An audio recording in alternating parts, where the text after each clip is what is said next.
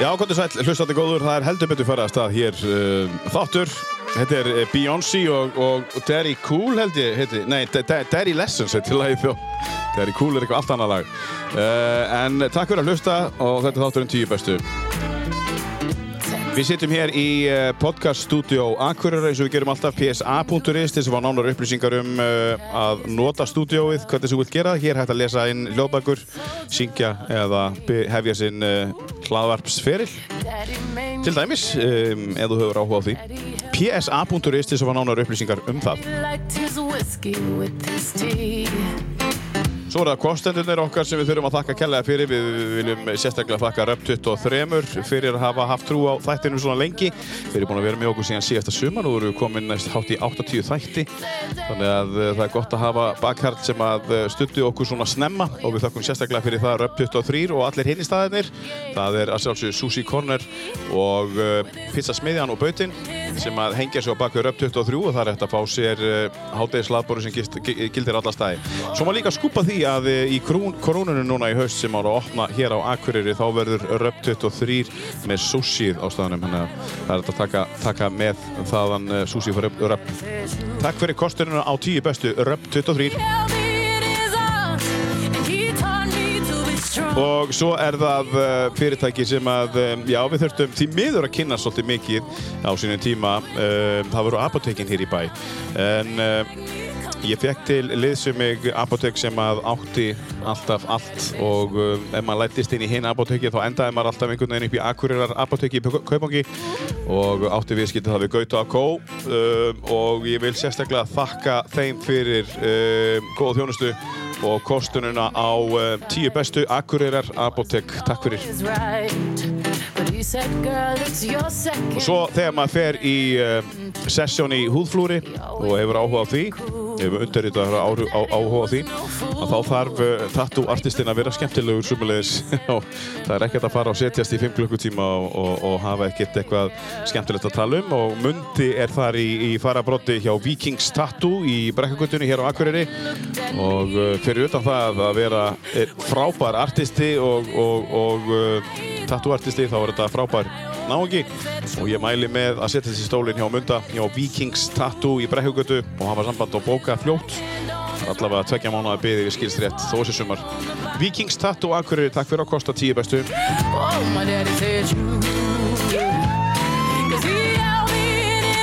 Svo erum við í góðu samstarfi eins og alltaf við akureyri.net og við vonum að það haldi áfram við Skafta og Kóðar. Skafti og þið hjá akureyri.net, takk fyrir eh, samstarfið hinga til að það.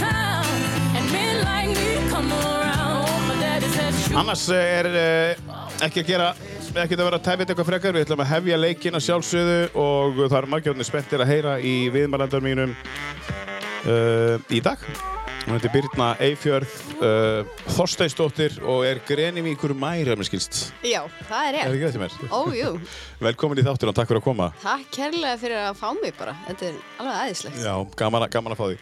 Um, Segð okkur aðeins frá þessu upphafslægi sem við byrjum á. Hvað, hérna, af hverju byrjum við á Beyoncé og Daddy Lessons? Það er lessons, sko.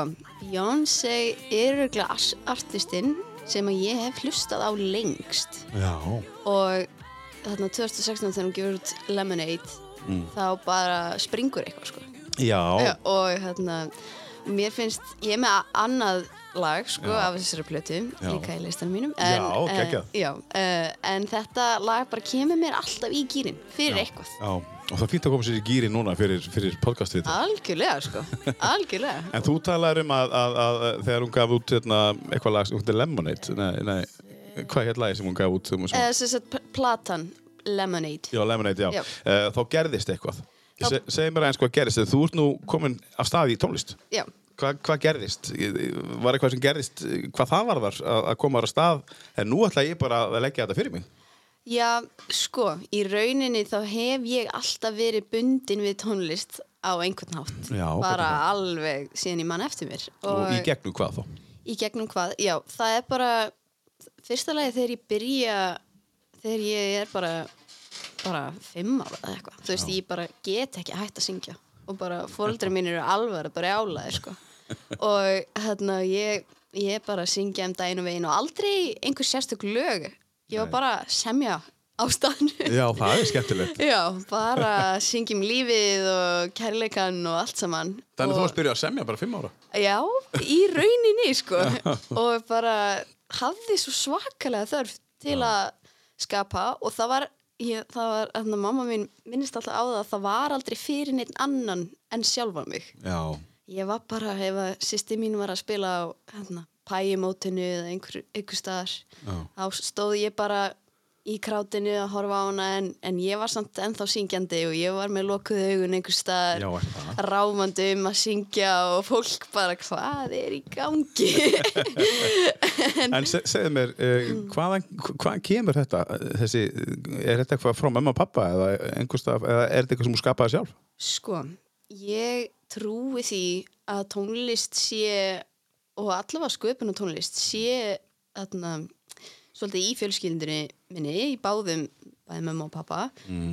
um, þótt að sé engin svona tónlistamaður svona, eða kona bara, bara svona sem að ég þekki það, ég skildi einhverjum einhverjum landfræðum harmoníkuleikara svolítið langt aftur sko en fleira er það ekki sko Nei, þá er þetta að reyna að finna bara eitthvað. Já, þá er Já. ég bara að reyna að finna eitthvað Já. en, en mamma talar alltaf um það líka sko að, að þarna, þegar hún var lítil og bjó á Dalvík Já. þá átti sem sagt uh, frændi hennar, hann var organisti í Dalvíkur kirkju held ég og hann var að kenna á piano og hann vildi svo rosalega mikið kenna mömmu minni af því að hún var með svo gott tónera og bara einhvern veginn svona hafði tilfinninguna fyrir tónlistinni og en það var bara svona ekki hægt að kaupa piano eða eitthvað svona þú veist, hún var eina sex börnum og, og yngst þannig að það var ekki alveg tekið beint í það, gamli skólinn svolítið Já. og, um, en hún var alltaf í kórum og Já. og, og hafði svona alveg áhuga á því að, að vera í tónlist líka og hún er mjög skapandi sko, hún, er, hún er listamaður hún er Já. grafískur hönnu nú í dag Já. og svo bara uh, var hún kennari áður og var að kenna myndmönd og málaði og alveg bara svakalega skapandi Mhm. Þannig að hún þarf að- að skapa á hverjum degi eins og, eins og dóttir sín. Já, í rauninni sko, við erum mjög líkar upp á það að gera sko Hvernig er svona típisku dagur hjá þér? Uh, svona fyrir utan það, ef þú ert í fríi. Ef ég er í frí, Já. já. Það er nefnilega rosalega skemmtilegt. Þá keiri ég beinustu leið uh, til Greinivíkur og fer inn um, heima hjá mér og bara oftast sest ég bara beint við píanóið. Já. Bara oftast. Það er, það er svona þegar að því að maður vill aldrei eyða öllum frídeginum sínum í einhvað svona þú veist, áhorf eða einhverjum svona að neyta sí símans eða eitthvað, þú veist, þetta er bara Að neita síma. Nei, já, sem sagt Já, nú, já, ég skil, ég Já, hef aldrei, já, já. ég, ég, hef aldrei heyrt þetta já, já, að neita, að neita hans, þess að Já. þú ert að borða þann. já, já, já, einmitt Já, eins og, magnað. þú veist, þetta, þetta er svona af því að, Já. af því að einmitt, það tekur svo m- þetta er svo mikið fyrir þig, þú veist, eins Mhm. og að borða að, að svona njóta og eitthvað en svo tekur þetta líka frá þér Já, já. og þetta verður alveg svona Mhm. kannski fíkn, ég veit ekki en Alveg pottet. alveg pottitt sko já, en þarna já, þannig að þá vil ég stundu bara svona íta símanum frá og bara öllu einhvern veginn sem að tekur Mm. orkuna frá mér og þegar ég sest við pínu þá líður mér aldrei betur sko Nei. En þegar finnst, tökum við aðeins áfram Já. Ég finnst, eh, hérna, nú ert þú 21 árs Já. og, og hérna, þú byrjar að vinna við tök- komum að því nánar eftir, þú veist 19 ára þú byrjar að reyna fyrir risastórt tónskáld já, um, uh, sem hann er og hérna, uh, segðu mér samt sko um síman aðeins já, svolítið aðtenglisvert, já, uh, þú ert í frí já og þó þú farið tvö ára aftur í tíma út 19 ára, þá, Já. þá, þá, þá, lætur hann ekki trublaði að þið, þið finnst hann trublaði eða þú ert á lengi í já, síman algjörlega ég, það var alveg, ég átti alveg erfitt þá myndi ég segja, Já. með tíman sko ok, uh, í símanum og, og þarna og ég er alveg ennþá að ströggla en ég er bara svo meðvitið um það Mm. já, og vil gera betur Já. alveg svakalega og ég, mér finnst rosalega margir vera í sömu spórum og ég já, með þetta en ég er bara einmitt er með, það eru svo margir með svona skjátíma bara sem símir leifir, bara þú mátt vera x marga klukkutíma í símanum á dag og svo bara kemur hann með við, viðvörun og og eitthvað svo leiðis og ég reynir bara að hlusta á það og, og en þarna, já, ég tel mig vera nokkuð góða í því núna Ok. já. En síðan er þetta pí píanónu og, og, Já. og, og það er típisku dagur hjá, þér. hvað ertu lengi? Hvað ertu að gera á píanónu? Ertu að spila eitthvað eh, sem að þú ert að semja? Ertu að spila Ég- eitthvað sem aðrir er að búin að semja? já, það er sem sagt oftast í gegnum tíðina hef ég bara verið að semja og semja og semja á píanóið mér varst ekkert skemmtilegra en að gera það og svo núna upp á síðkastið þá hef ég verið að, að spila alls konar lög bara eftir alls konar alls, alls konar artista og það var svo magnað að koma í börgli og fá svona aðra flóru af tónlist Já, hvernig þá? bara bara jazzið náttúrulega Já. þetta er svona byggt a- allt skólakerfið hjá þeim er bara s- byggt á jazz og, hérna, og líka bossa nova sem mér finnst o- engum áhugavert sko. Þetta er Segðu segðu okkur aðeins hvað Bossa Nova er. bossa nova, það er erfitt að lýsa því, en þetta er svona þú gætir alveg, það eru mjög margir jazzartista sem að vi- vinna með bossa, og- bossa nova stílinn Já. en þetta er bara svona sérstakur taktur sérstakur Mhm. rytmi og þarna og sérstakar áherslur Já.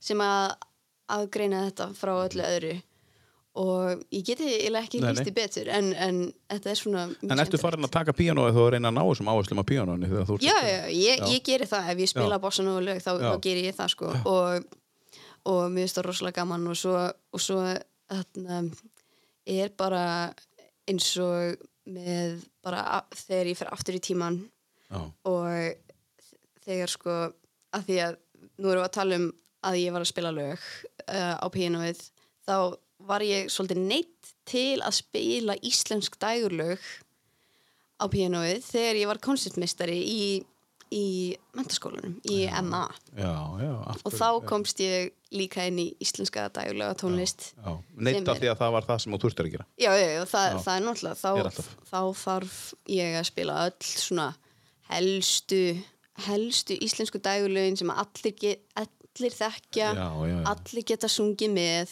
Já. þannig að það er alltaf spilað til dæmis Nínu og Mhm. Rómeo og Júlíu og ég hef spilað það örgulega svona 280 sinum Og ótt ekkert eftir að stoppa. að Nei. spila það, Þá eftir að koma einhvern tíman. og já, ég er að fara ég er að fara að spila sem sagt á Götubarnum Já. já, á sem sagt 14. júni Já. já, þann 14. júni Já. um, þá er ég að fara að hafa svona smá söngsal fyrir fólk sem er að júpa Já, ok. fyrir Já. 17. júni Vá, þannig að þú situr á píanónu og já, það er svo gott að vera búið að stilla píanói þá fyrir þann tíma. já, nákvæmlega Eh, Eitt vansillasta píanó var eftir, er, sko, eftir hvert kvöld öruglega, það er búið að lemja það endalust og, Já. og það þarf að stilla öruglega til þessari við. þeir voru, þeir voru sko að fá þeir voru að fjárfesta í nýju píanói Nú, vá, sem að ok. er alveg geggjað. bara rosalega flott það er sem sagt rafmaks flýið Já, já, já, já. þá getur þið bara að hækka og lækka í hennum eins og þú vilt Já, og geggjað. hann er með hérna alveg gleri að ofan og Vá. bara svaka svaka græja Já, sko Æðislegt. Ég held ég sé að spila á hann Já, já, vonandi. Vonandi, já En hérna, segja okkur annað, hva, hvað er klukkan þegar þú sest á píanói, hvað er klukkan þegar þú hættir að spila á þessum típiska frídegi? Hvað spilar lengi? Sko, Hvað æfrið mikið? sko, það er nefnilega málið Ég læt núna tíman bara líða alveg eins og bara það skiptir mig einhver máli hvað ég er lengi af því að þetta er alltaf bara í flæði og þetta er aldrei svona þú þarft að Mhm. mm æfa þig -hmm. sem er ótrúlega góð tilfinning og ég spila bara tónlist sem ég langar að spila -hmm. og ég syng alltaf með líka þannig að ég myndi segja ef ég, þú veist ef ég kæmi heim klukkan tíu þá myndi ég bara byrja strax að spila og svo er þetta bara svona yfir daginn mm. ég fer að gera eitthvað, fer kannski út ég þarf rosa mikið að fara út í náttúruna Já. ég finn það rosalega mikið Já. og það hjálpar mér við sköpununa líka þannig að ég tek svona pásur og fyrir göngutúr eða fjallgöngu og, og kem svo aftur heim og spila meira og, þannig að ég get alveg verið að spila svona af og til alveg fram að kvöldmátt eða lengur sko. Ferðu þá í göngutúr til þess að eiga meiri sköpunarkraft uh, í píanóið eða semja eða ferðu í göngutúr að því að þú sjálf, sjálf þarst á því að halda eða bæði, bæði já Já. En ef þú fengir, þyrftir ekki að gera þetta fyrir sköpunarkraftin, myndur það þá vera færri skipti?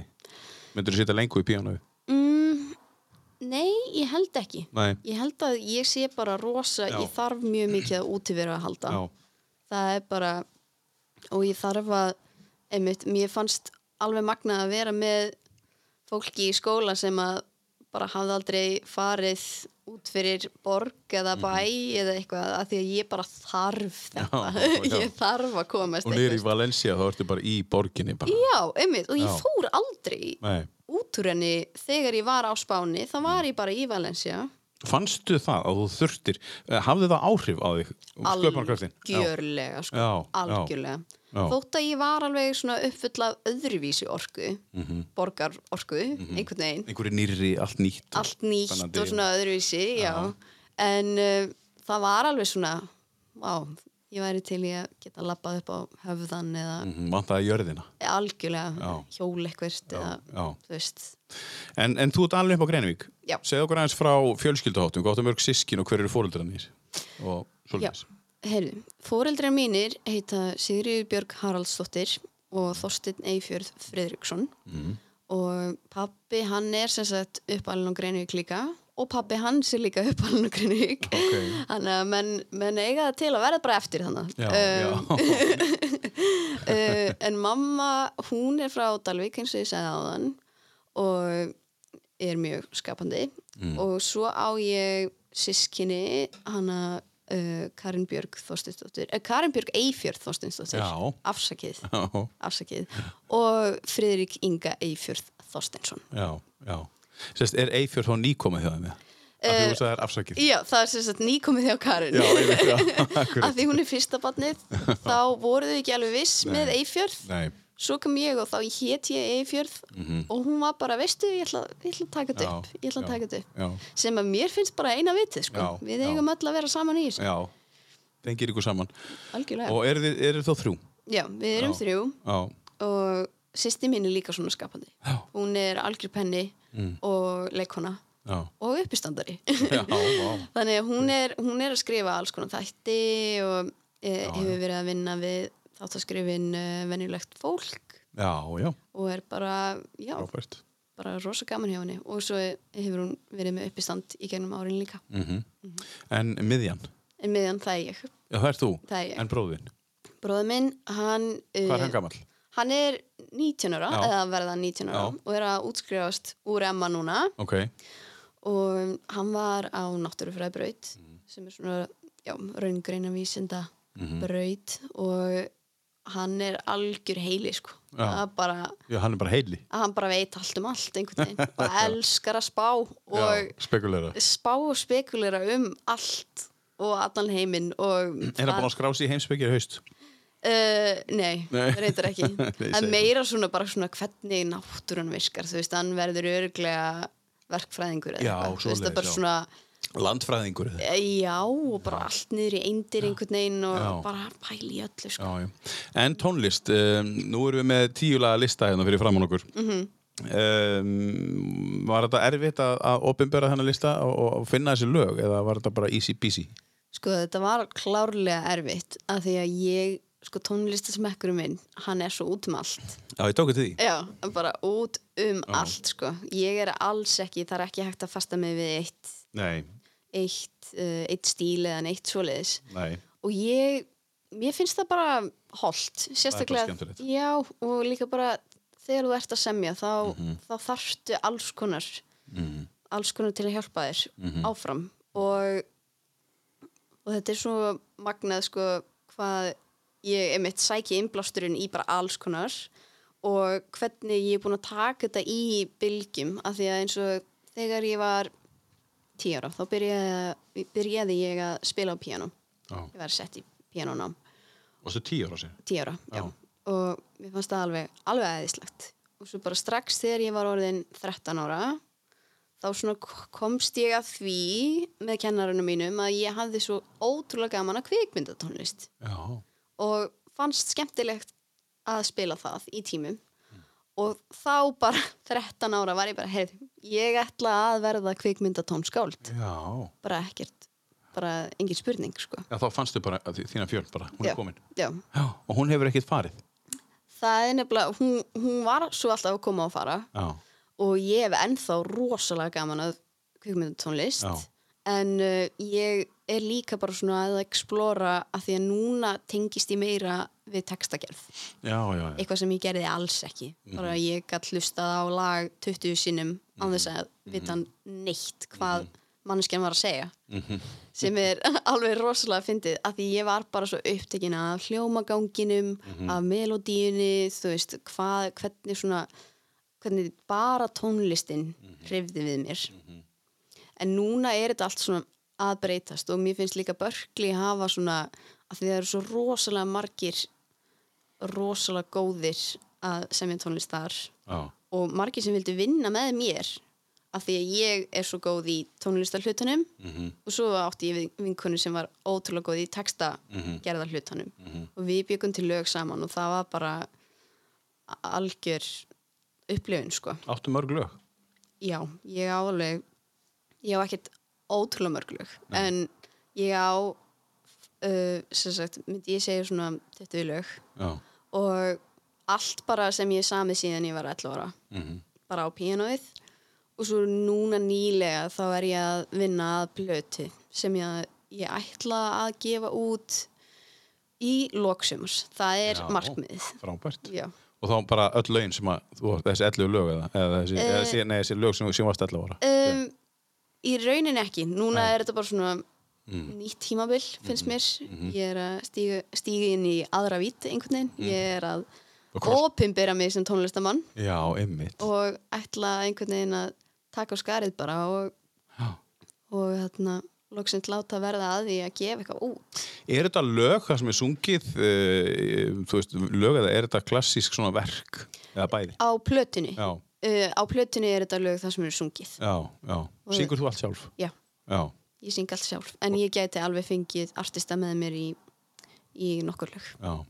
Og hvenar er í haustengt hann? Já, Ok, frábært. og þetta væri í rauninu svona EP, svona minni plata Já, með svona fjórun til sex lögum já, og ég, mér þykir það bara góð byrjun. já. Já, mjög góð byrjun. Já, Það er gott að gefa bara eitt lag. já, Hérna. já, líka það. sko. Hvað þá að gefa út eina EP-plötu, sko. Já, já, já. Uh, svo verður bara LP-plata næst, longplay-plata með, með hérna, öllum uh, fullplata. Já, Uh, einmitt. en þú veist, hvað er í dag? Hvað er fullplata í dag? Ég Meina, þú veist, Nákvæmlega. út á Spotify. Já. Fullplata getur verið fjólög. Já. Þú veist, þetta er bara platan mín. Já, einmitt. þú veist, af því að þetta snýrist allt um að nota diskin eins, eins mikið á disknum að þú veist, hann var 90 mínútur eða hvað, 70 Einmitt. mínútur hérna, núna er þetta bara, Núna er þú þetta getur bara- bætt inn á eins og til minnst John Mayer gerði, Já, hann gaf bara út lag og lag og lag og lag og lag og svo Einmitt. gaf hann út heila blötu og öll þessi lög fóru bara inn á blötuna og, og þau voru þryggja fjóra ára gömul, skilur Já. og það var John Mayer sko og já, einmitt. þannig já, að hann já, gaf já. Mm. bara út eina EP-blötu með öllum lögunum sem hann var búin að gefa út og þá kom heil plata sko Já. þannig að það er hægt að gera þetta svoleiðis, það er hægt að gera þetta bara eins og þú vilt Já, Herðu, um, áður en við höldum áfram, ég langar einmitt að spyrja aðeins eh, hvernig það kom til að þú fór sóttist eftir að hvar, fara í hennar skóla og hvað þú gerði til þess að komast inn í hennar skóla og hvernig það var að vera í skólanum og við förum það öll á umræðu eftir. Við ætlum Að, ég er svolítið spenntur á að hefja leikin á einhverju lægi. já. Hva, á hverju viltu byrja, Byrna? Um, á hvað hva lægi viltu byrja? Sko, af því að við ætlum að tala um skólan og svona, Já. þá held ég að við tökum bara Nora Jones, Don't Know Why, af því Mhm. að henni kynntist ég í Valencia og hefur verið að hlusta mikið á hana. Já, þú kynnist henni þar. Já, Og hafður ekkert heyrt í henni fyrr. Er þetta út af jazzinum og þessu? sem Já, kom? ég myndi alveg Já. segja það, þú veist, bara vinkunum mín kynnti mér fyrir henni og ég svona virkilega, ég hafði alveg heyrt einhver lög eftir hana, sko, án þess að vita eitthvað svona sérstaklega hver hún væri. Já. en bara núna er ég bara orðin hennar aðdóndi Værið þú til í að vera artist eins og Nora Jones að gefa út svona tónlist? já, klárlega, Já, klárlega já. Heyrum þetta lag sem að uh, margir hafa heyrt áður, Don't Know Why. Þetta er Nora Jones fyrsta lagi af uh, listanum hennar Byrnu. When I saw the break of day, I wish that I could fly away. Instead of kneeling in the sand, catching teardrops in my hand, my heart is drenched in wine. But you'll be on my mind forever. Out across the endless sea,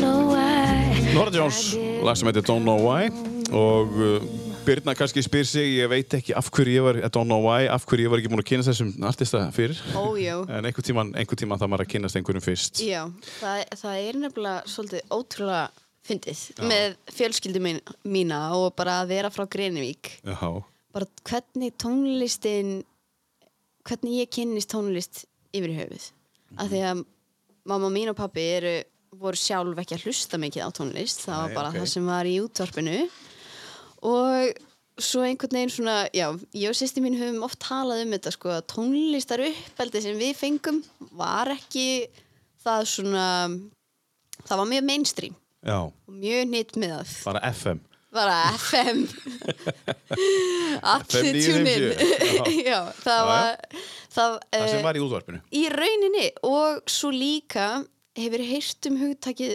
bólur að vera bólur inn Já, við ég- bein já, já, bólurinn við bein sem Björgun söng, já, já, einmitt það er bara að vera svona mainstream vera, vera mainstream og hafa bara rosa gaman á lífinu Já. Mm. og vera bara, bara vera svo sáttur með sjálfur sig Mhm. það, ég myndi segja að komandi frá Greinvík og pabbi minn eins og hann er hann er eitt mesti bólur sem að ég þekki og það er alveg indislegt, hann spilar já, hann spilar, hann lifir fyrir Andrea Bocelli Já, og fiskidagstónleikana já. Þetta tvennt já, Hann fór hann á Andrea Bósöli tónleikana nú neðan misti Ég af þeim trúi því því. miður Uss. það mátti ekki vera að því Þá er það bara fiskidagstónleikarnir það er Já, bara- það eru bara fiskidagstónleikarnir Og og Hann er bara, þetta tvennt, bara, þetta er ég já, Eða, hann hefur náttúrulega hann hlustar á annað líka sko Já, já. En, en, og, og svo hefur hann rosalega hann er svona bara afsaki pappi ef þú ætlar að hlusta á þetta en öðna, hann er dífa inn, innra Já, er með sér það? hann, hann elskar dansaðu vindur með Eivör Ó, vá. og um, Halleluja Sem reyfir við honum hreyfir mjög mikið við hann sko. já, já Hann er Og- svona tilfinninga tónlistar vera algjörlega sko. Já, já. algjörlega Nú ertu á opinn bara pappa en bara, hérna. og, bara sorry en það er bara skemmtilegt Já. Hann hefur bara gaman af því hann hefur mjög gaman að því sko. já, Ef einhver má gera það, þá ertu þú já, þannig að Eh, já. já. við, við, við sýstur við kallum okkur sjálfar sko, við, vorum, við byrjum sem bólir Já, og erum alltaf aðeins bólir já. en uh, svo þegar við einmitt, förum út í lífið og förum svona svolítið á okkar einn veg þá bara kynnumst við alls konar nýju sem að fólk er kannski búið einmitt, eins og Nora Jones er búin að vera bara Mhm. mjög vinsæl, bara mjög lengi en ég er bara alls ekki heyrt um Mhm. sem er magnað og gaman Nei, en svo, svo einhvern tíman minnir að það hafi verið hérna, ég veit ekki hérna, hvort það hafi verið steppi jak afsaki steppi eða varst ekki þú en það, við vorum einhver, það var einhver sem var að tala um að uh, við hættum að hlusta á tónlist á einhverjum ákveðnum tíum, tí, það er að segja nýja tónlist Að Já. við bara, uh, Var það magni? já, var, já, var að magni já, ég, hlu, já, ég hlustaði allavega, hann nefndi að eftir að þú Já. þroskast Já. eða sem sagt þá, þá bara hættur að reyna að upplifa nýja tónlist nema Einmitt. að hafa fyrir því skilurðu ójá, mig? ójá, Já. nema bara, bara Já, já, með viljanum með viljanum sko. já. Já. Já, að bara ég ætla að gera þetta núna og hlusta á, á Big- Big- Biggie Maus Já. hann var einmitt að segja, sko, hann vissi af þessu líka hann, þetta er það sem ég ætla að gera Já. ég ætla að hlusta á svona mörg lög á hverjum einasta degi ný já, og einmitt, þá mitt kemur, á svoleiðis tímum koma, kemur Nora til þín, þú veist, og Algjörlega. einhverju artista sem þú bara, vá, þú einmitt. veist bara hvar varstu? já, hvar varstu? þú varst bara hérna, Já. en ég var ekki að Svo eru aðri sem eru búin að hlusta bara á Já. Radiohead í 25 ár, ekki neitt annað ekki neitt annað og And- Andrea Bosilli bara í, Já. í, í, í, í alltaf já, það hefur svolítið verið umhverfið Já, mitt, myndi já, ég segja já. og líka bara svona einhvern veginn frá litlum bæ þá er kannski ekki, það er ekki þessi menning sem er í stórborgum, það er ekki alltaf verið að hreyfa við einhverjum svona menningarþáttum eins og tónlist og Mhm. eitthvað, kannski þú veist eins og eins og kennararnir í tónlistaskólanum það voru bara tveir píanokennarar og svo þurfti að fá aðkomandi um, sem sagt uh, kennara eða sem sagt kennara sem byggu ekki á Greinivík til okkar ég var í tónlistaskóla Eyjafjallar Mhm. þannig að þú veist þá hefur í rauninni bara hérna tvö tvær manneskjur á Greinivík sem að Já. stunda tónlist Já, já, já. Skilurðu? Já, ég skil. og halda tónleikana Já, ég skil. ég og, skil. og, og það er þær stóðu sér svo rosalega vel í því. þær eru maðgur, Já, Elín og Björg Já. og þær stóðu sér svo rosalega vel í því og hjálpuðu mér alls alls konar leikrit og allt saman og, og, hérna, og ég fekk að kynnast kvikmyndatónlistinni svolítið í gegnum og söngleikjatónlist svolítið í gegnum píanokennarinn minn hann er Helinu Jakobsdóttir Já, já. og hún er alveg frábær en emitt, þú veist, hún var með þennan smekk og ég fekk hann alveg beint í æð og ætlaði bara að vera kvikmyndatónskáld mm -hmm. skilur þannig að maður spyr sig, þú veist, ef ég hefði verið annar staðar hvað hefði ég tekið upp þá Það er alltaf stóra spurningin. já, Ef þú tekur þessa beigju eða vinstri beigjuna, emitt, þá veistu, þú endar á einhverjum öðrum stað. já, Það er nú mannleg. En Algjörlega. þú endaðir í Valencia. já Uh, en þú ert náttúrulega ekki að enda þar. Nei, þú, þú nei. fóst ángað. Ég fór það er þangað. ekki svo þessi endastöð. Eh, já, já Mhm. þetta er byrjunarstöðu eða eitthvað er um, segð okkur aðeins svona ferlið uh, sko, við ætlum að taka lag á milli og fara sína til aðeins í en svona, hvernig þú komst ánga og hvað þú þurftir að gera til þess að komast inn í börkli, hvað það maður að gerast til þess að komast inn í hana virta skóla þar sem að meðal annars Alli Örvars fór -hmm. og, uh, og einhver annar sem hann Mhm. Eh, myndist Veigar Margersson Já.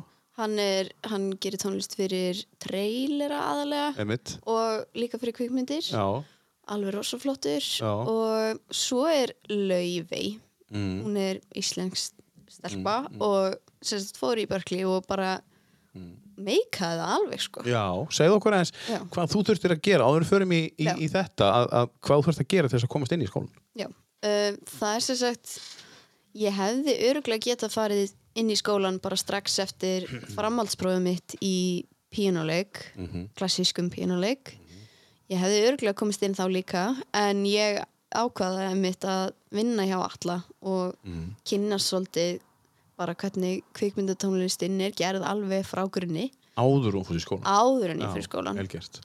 og bara þetta er besta ákvörðum sem að ég hef tekið Já, bara þvílík þvílíkur þroski sem ég, ég tók þarna á Já. þessum tveimur árum af því að þarna var ég bara að vinna með bara þvílík fólki já, og bara þvílíkum fagmönnum og ég þurfti bara að gjöra svo vel að verða fagmöður já. og bara 19 ára og mér finnst það alveg magnað og það hefur hjálpað mér rosalega mikið eins og þú veist, ég var að vinna með fólki í LA Mm.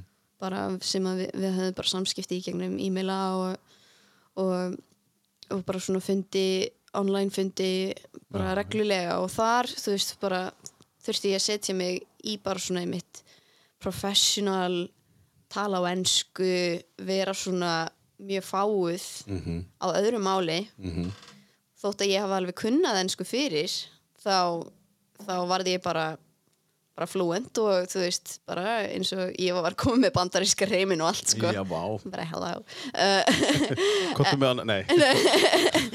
Eh, en og var rosalega influensið af þessu þannig að þegar ég fer í skólan og sækjum skólan þá þú veist, skrifa ég svona rétgerð, að hverju þeir eiga að fá mig og fer í, fer í áhörnapröfur á Zoom og Já, þetta er náttúrulega, já, við erum að tala um þetta bara þegar uh, COVID er. já, Já, já, í rauninni og hérna fyrir ég áhrifna pröfur og Zoom og allt þetta, þú veist hjálpaði mér svo mikið að vera þarna, talandi ennsku svona vel og geta haft svona f- flæðandi samskipti og lífið líka bara mjög vel í áhrifna pröfunni já, og verið ekki stressuð, já. Já, og ég hætti líka að vera í karakter að því mér finnst stundum fólk og ég gerði það sko fólk fer í karakter þegar það er að tala annað tungumál Já. þú veist, þá er það önnur manneskja Já, allavega, allavega var ég þannig Já, þú veist, já, ég var bara, já. þegar ég byrjaði þarna hjá alla, þá var ég bara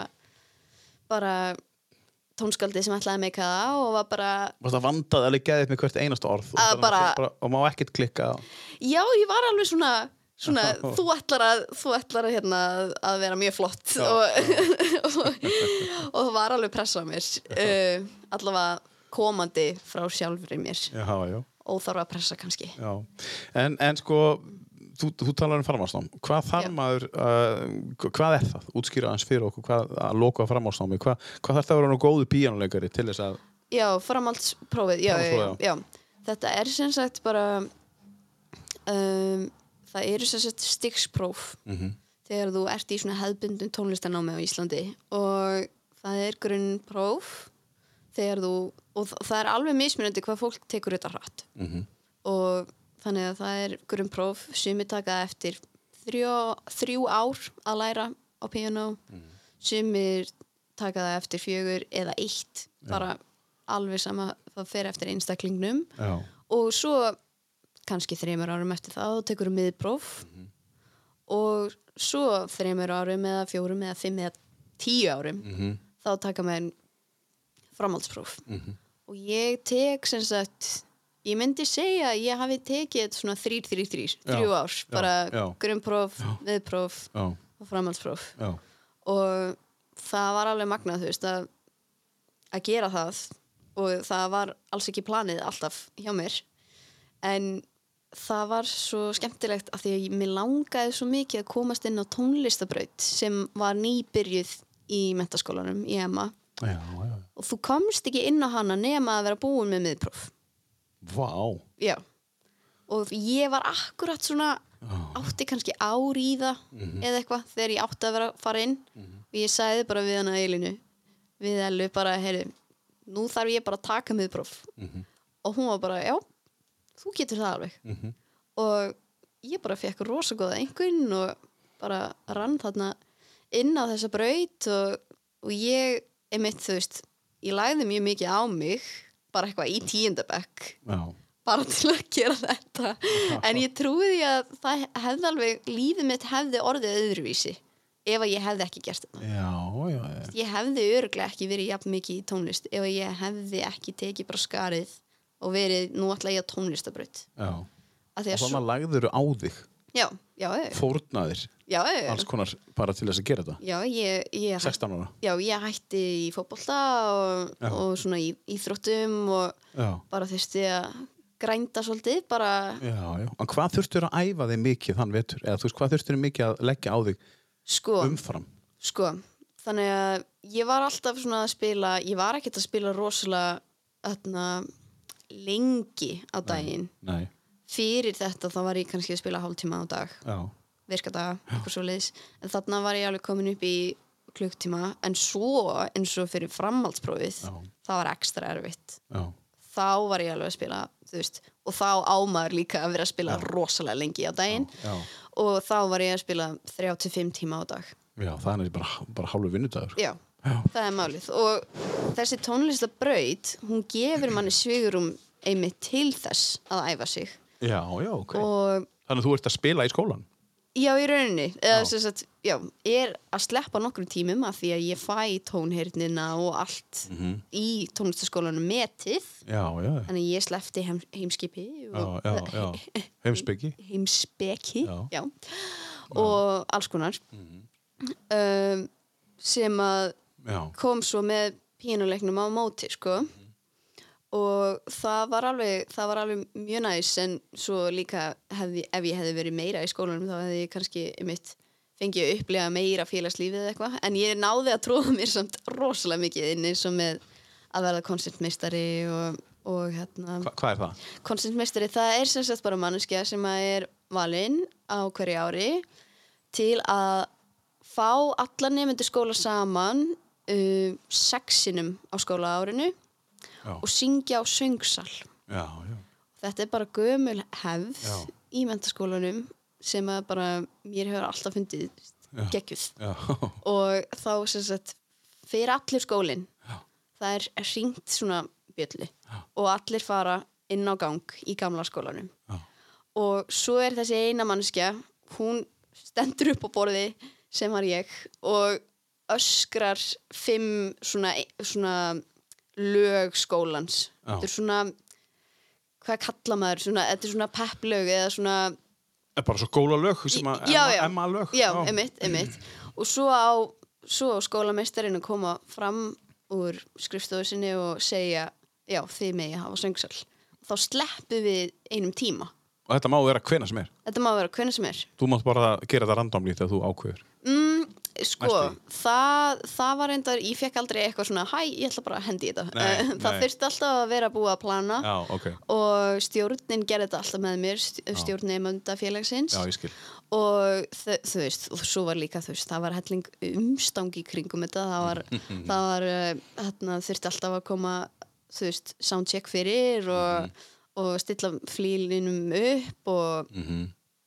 og þarna, þannig að fólk svona vissi alltaf svona herfið, það er eitthvað í gangi það er að koma söngsalir held ég þannig að Það var svolítið obvious. er svolítið obvious en En það, var, skemmtilegt. það var mjög gaman og, og já, ég gerði það sem sagt og fólk var öruglega komið með ógið á mér þarna undir loki Í sjötta skiptið. já, í sjötta skiptið Ég meina, þú áttir að gera þetta Ég sexið. átti, já, Já, já, í þannig að- rauninni, þú veist, það, Þannig að já, þá hafðu bara fengið alltaf ógeða koncertmestarum. já, já, já, En, sko, einmitt, en hérna, hjálpaði þetta þér eitthvað í, í, í, í, í, í hvar þú ert núna? já, klárlega, þetta gerði náttúrulega að standa upp á sviði, Sjálfsörugg, já. flytja, Já. bara, og líka, þú veist, að því að þú veist hvernig úlingar eru, Já. þau eru ekkert eitthvað klukkan tíu á mótni til bara, já, já, nú skal ég syngja, bara Nei. syngja með Já, all, einmitt. öllum tilfinningum sem ég finn Nei. innra með mér, þú veist, það er, En meina, þetta hlýtur á að hjálpa þér eitthvað. Já. Og þú sóttist eftir þessu sjálf. Ég gerði það, sko. Já, já. ég var alveg bara, Já. þetta er eitthvað sem að Já, já. mun hjálpa mér, Þannig að enn og eftir það þú ert að íta þér svolítið út í Já. djúbulögina. algjörlega. Tölum aðeins djúbulegu eftir, För, tökum, tökum lag núna e, Já. á, á listanýrinum og svo ætlum við við eftir að fara í, í skólan og alltaf. Mhm. Hvað hva, hva viltu taka næst? Um, Uh, næst skulum við bara taka uh, Like the Movies með Laufey. já, Like the Movies, já. Já. Hvað hva er þetta? Segðu okkur aðeins, hvað er þetta? Þú talar um, er þetta laufið sem þú talar um á það? Já, þetta Já. er hún. Hún er alveg mögnuð, sko. Segðu okkur aðeins aftur, aftur hverju laufið er, rifið Já. aðeins upp. Hún er að sunnan Já. og fer í börgli rétt fyrir COVID Já, og þarna, hún, þegar COVID eiginlega skall á þá fór hún að gera sem sagt TikTok. já, fór að pósta pósta sem sagt myndböndum af henni spila á sellóið Mhm. og syngja með mm svona gömul jazz Hollywood eins og við heyrim hér Mhm. undir. eins og við heyrum þarna og hún bara alveg sprakk sko þú veist það bara, hún varð svo vinsæl Já. bara um allan heim Já, og hún er búin að koma í Jimmy Kimmel já, vá. Mhm. þarna, já honum Hvernig segir það? Laufey? já, Laufey Laufey. let's bring Laufey to the stage Herri, við skulum leifa Láfey að eiga, eiga, eiga sviði hér í nokkra mínútur, nokkra, nokkra, já, eina og hálfa mínútu eða svo. já read too many fairy tales. It's no wonder I've had no luck. No one's ever good enough. I wanna love like I've seen in the movies. That's why I'll never fall in love.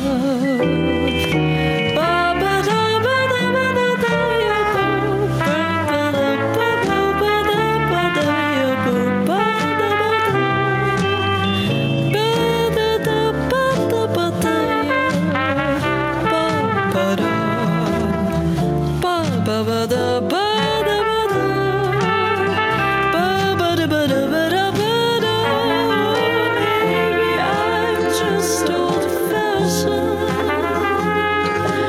read too many fairy tales.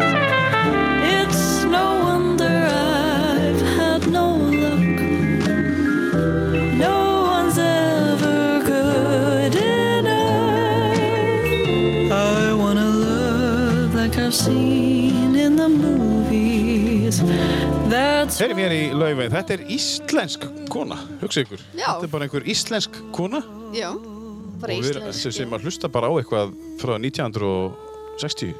Algjörlega og bara beint frá bandaríkinum Yes, já. líður manni eins þú veist, já. en hún er, hún er alveg mögnuð og hún er mikill sellóleikari líka Já, og hefur verið að æfa selló alveg síðan hún var lítil Já. og ég held hún hafi spilað með Symfóniuljónsveit Ísland já, Íslands líka já, og bara og hún fekk sem sagt bara fullan styrk um, Mhm. ti- til að sem sagt læra í börgli En Þetta er dýrt, er það ekki? Jú, þetta er aðeins svo dýrt Já. Hva, hvað eru að tala um? Hversu Sko. dýrt er að fara í hana? Sko? Já, önnin fyrir mig að því að ég fekk alveg miljón í styrk já. bara þarna, fyrir Hvar fjastu það? þetta ár uh, Hvað segir Hver, hvar fjastu styrk? F- f- Hjá skólanum? Frá skólanum, já, já, já, ok. já. og og ég var bara yes, frábært Já. og svo fengum við reikningin af restinni Mhm. og það, var, það voru 3,7 miljonir Fyrir önnina. já, þannig í heildina var átti þetta að vera 4,7 miljonir Jésús. já, og þau eru Það búin er að skott, já. hækka já, þau eru búin að hækka námið, sem sagt námskjöldin síðan Já, að út af COVID já, já, meinar. Já, og um, en ég er eins og er bara að býða eftir því að fá bara fullan styrk fyrir áframhaldandi Já. nám mitt Já, með mínum náms árangri Mhm. og líka bara af því að ég byrjaði sem sagt, startaði klubb já, í Valencia sem heitir Confident Women in Music eða sem sagt bara hvað á maður að segja, sjálfsörugar konur Í tónlist? í tónlist eða þú vilt bara setja þetta beint í. já, bara beint, já, Já. það er bara, sem sagt, bara þetta var klúpur þar sem að Mhm. við stelpur komum saman og rættum bara svona um okkar óöryggi sem tónlistakonur og, og það, þetta var rosalega mikið um það hvernig við eigum að gera okkur sýnilegar Já, af því að það er náttúrulega stelpur pæla rosalega mikið í hlutunum Mhm. og vilja líka þær eru, við erum ekki al- aldnar upp til að vera eitthvað, hæ, veldu mig þú veist, Nei. ég er best nei, það, það er ekki nei, það er ekki í okkur nei, við eigum svona, eigum að til að vera að draga, draga okkur niður og vera svona, já, ég er bara En af hverju? Gera mitt Af því að- af því að hérna er til dæmis eh, gott dæmi um hérna, uh, það er svona í tónlistskólanum hér á Akureyri, það er, Mhm. þú veist svona skapandi tónlistar, eh, skapandi tónlist, Já. Mhm. eitthvað, og, og maður sér bara endalus að dúta koma með flötur ég og veit, það heyrist ekki inn einustu konu ég veit og, og þa- þetta finnst mér aðtýngsvert. þetta er nefnilega svo Þetta er landlægt, landlægt vandamál. algjörlega og þær, mér fannst þetta svo merkilegt að alla stelpunar sem ég var að byrja í skólanum með þær gáttu tengt við þetta Og þó þær væri í börkli. já, Já, þó þær væri í börkli þær Já. voru þær ennþá með þetta já. og ég svona, þú veist að ég er aðeins eldri en þær af því að þær voru margar að koma beint úr high school, Mhm. þannig að þær voru svona 19 ára Þannig að þú ert akkurat með markkopin. já, ég er akkurat með markskopin og mér leið akkurat svona þegar Já, ég var 19 einmitt. ára ég, Já. kon, ég er svona svolítið búin að stíga út úr ramanum og sjá þetta svona með öðrum augum Já, með því að stopna hana klubb, Já. það er bara augljóst að þú ert komin eitthvað lengra. já, já. og hérna og mér fannst bara þetta var svo nöðsynlegt Já, og þær voru allar bara já, það, ég, ég þarf þetta og, og það er líka svo fyndið ymitt þegar hún nefnir þetta þú veist, það eru bara dúttar Mhm. að mæta og gera bara tónlist hér er ég, hérna er tónlistin mín Já. og mér er skýt saman hvað eitthvað finnst. drullu Hérna er saman þetta bara. sko. já, Let's go. já, let's go og uh, þetta er þetta Sem er svo- frábært. sem er geðvikt Já. og það er ekki eins og svo er þetta líka skiluru það má ekki halda af því að það voru alveg svona barnalegi strákjörðarna sem voru alveg svona því að þetta er bara kalla Já, já. þú veist Nei, nei. en nei, Nei, þetta er eitthvað, það er eitthvað annað. Já, þetta, þetta er sem sagt bara við viljum gera okkur sínilegar af því að þú veist eins og allir þessi strákar sem er sama þeir bara gera, þeir Mhm. hugsa ekki tvísvar þeir bara þurfa að skapa tónlist gera það Mhm. og bara læra inn á YouTube bara þegar þeir eru ungir bara hvernig á að eða skrá sig í svona kurs eins og er í tónlistaskólanum á Akureyri og bara gera þetta á meðan stelpunar eru svona alltaf með vangaveltur og alltaf einhvern veginn svona hvernig á ég að framkoma þetta og er ég nógu góð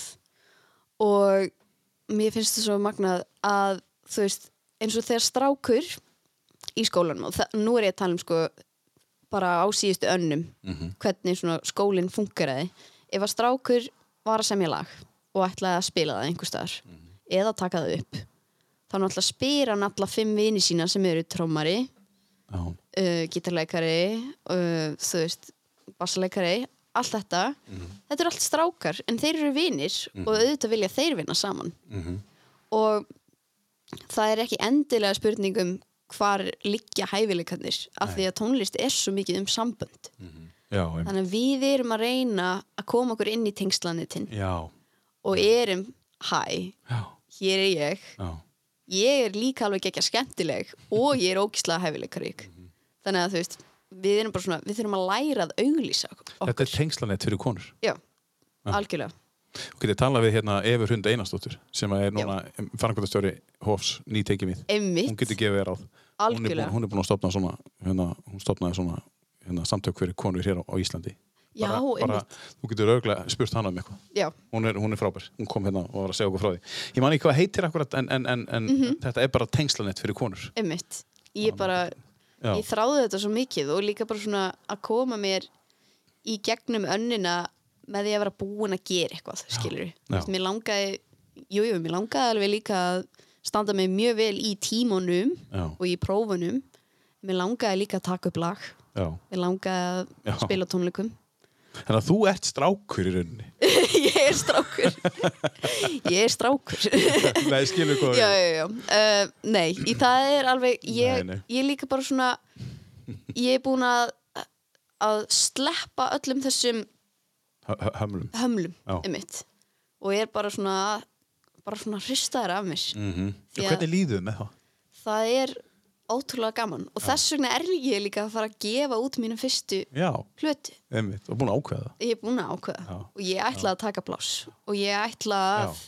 láta heyri mér Já. og mér auðvitað þá er erfitt að vera eitthvað svona mér er alveg sama hvort að enginn mér fílaði þessi lög en ég er alveg Þetta fer viss- allavega þarna út. þetta fer allan út og fólk getur hlustað Og er ekki þannig, Byrna, þú setur okkur út, Já. Mhm. þú ert kannski eftir að koma staði í haust, þú setur okkur út og þá ertu bara búin að losa það, þá getur ég verið að vinna eitthvað annað. Þannig að, það, þú veist, já, þannig að þetta heftið ekki allt sem þú átt. Já. Þú setur þarna út, hvað er næst? út, algjörlega sko, næst. Skilur þú losa þér svona við einmitt að þetta stannast bara upp eða ekki? þetta, jú, algjörlega sko Já. og ég er bara ég er bara, þú veist, jú, jú ég hef alveg spilað lögin mín á tónleikum og Mhm. þú veist, fyrir alla og alls konar og það var alveg geðveikt En hvernig líður þér þá þegar þú ert að gera það?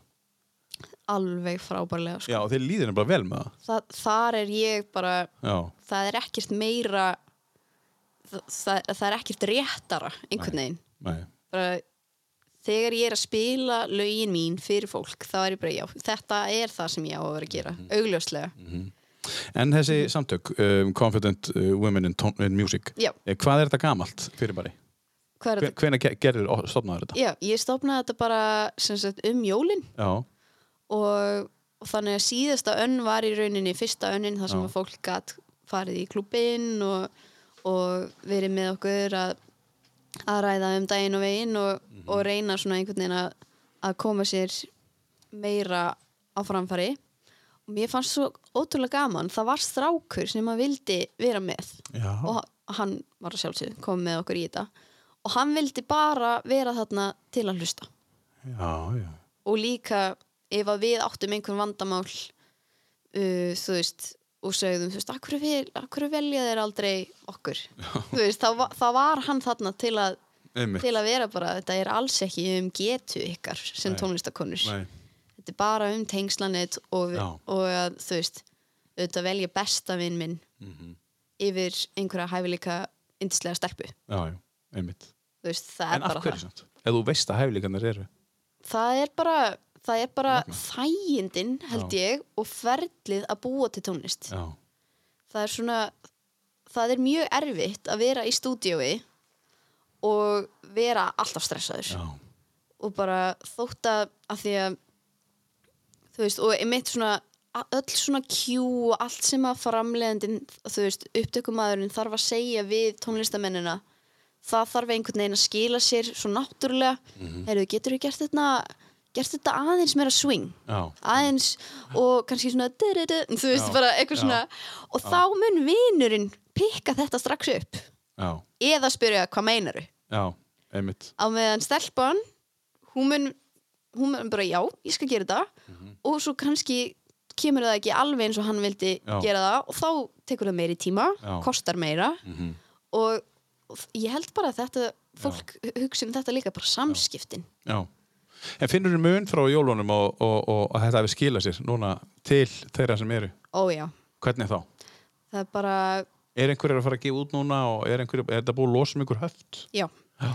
það var stelpa sem að er sem sagt saxofónleikari Já, og hún var alveg svona hún var með brotna sjálfsýmynd ég myndi alveg segja það og hún var að þarna, hún er 19 ára og ég og þú veist, ég tók hana átalið og var bara, þú þarft hennan klúb bara svolítið mikið og þú ert eina eh, eina manneskjan í þessum skóla sem að hvort það var spilað á baritón saxofón þannig að það væ- vildi fólk fá hana Já. í alls konar verkefni Já, hún var svona, svona sér á báti. já, Já, og þarna, þú veist bara hún, hún var, þú veist, hennar var þörf Já. í alls konar Já. og og þetta vissir þú, þetta vissi ég en hún vissi það ekki.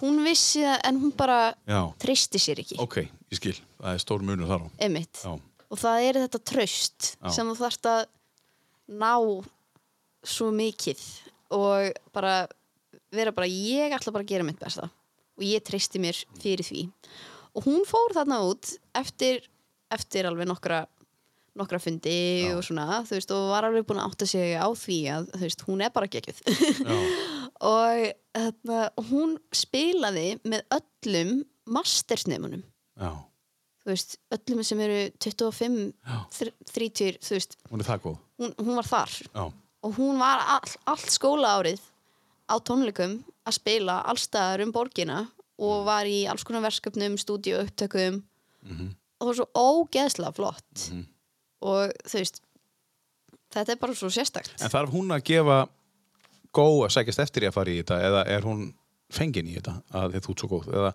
ég er að meina, núna eftir áramótin var hún þá að fara að trana sig fram, eins og maður segir, bara, herru, ég hérna er hér og fara að gefa sér pláss.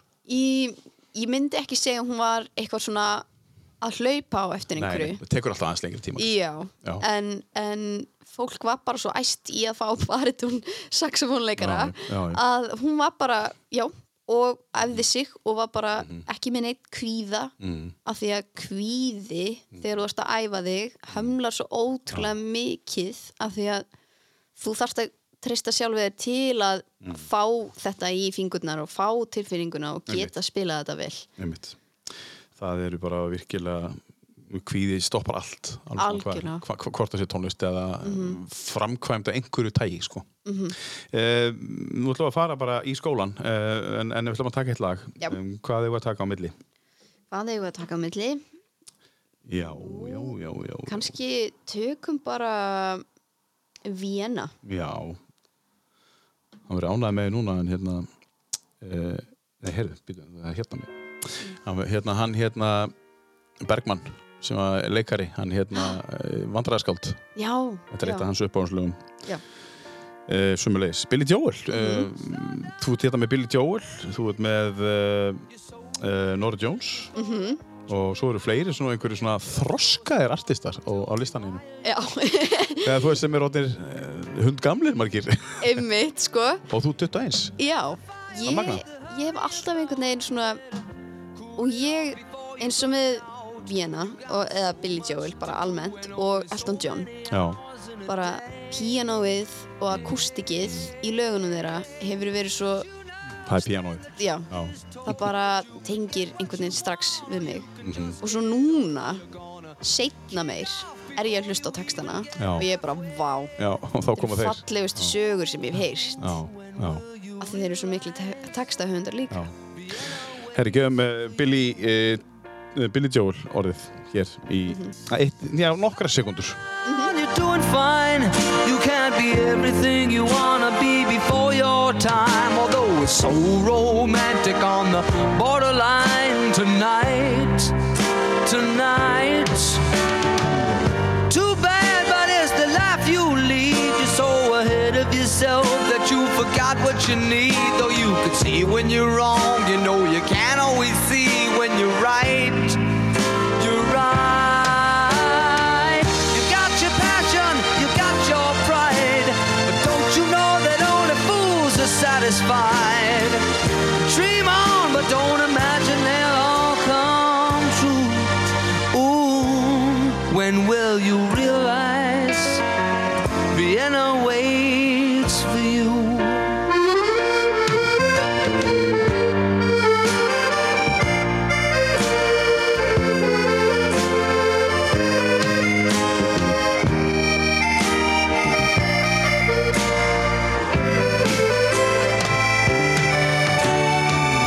Slow down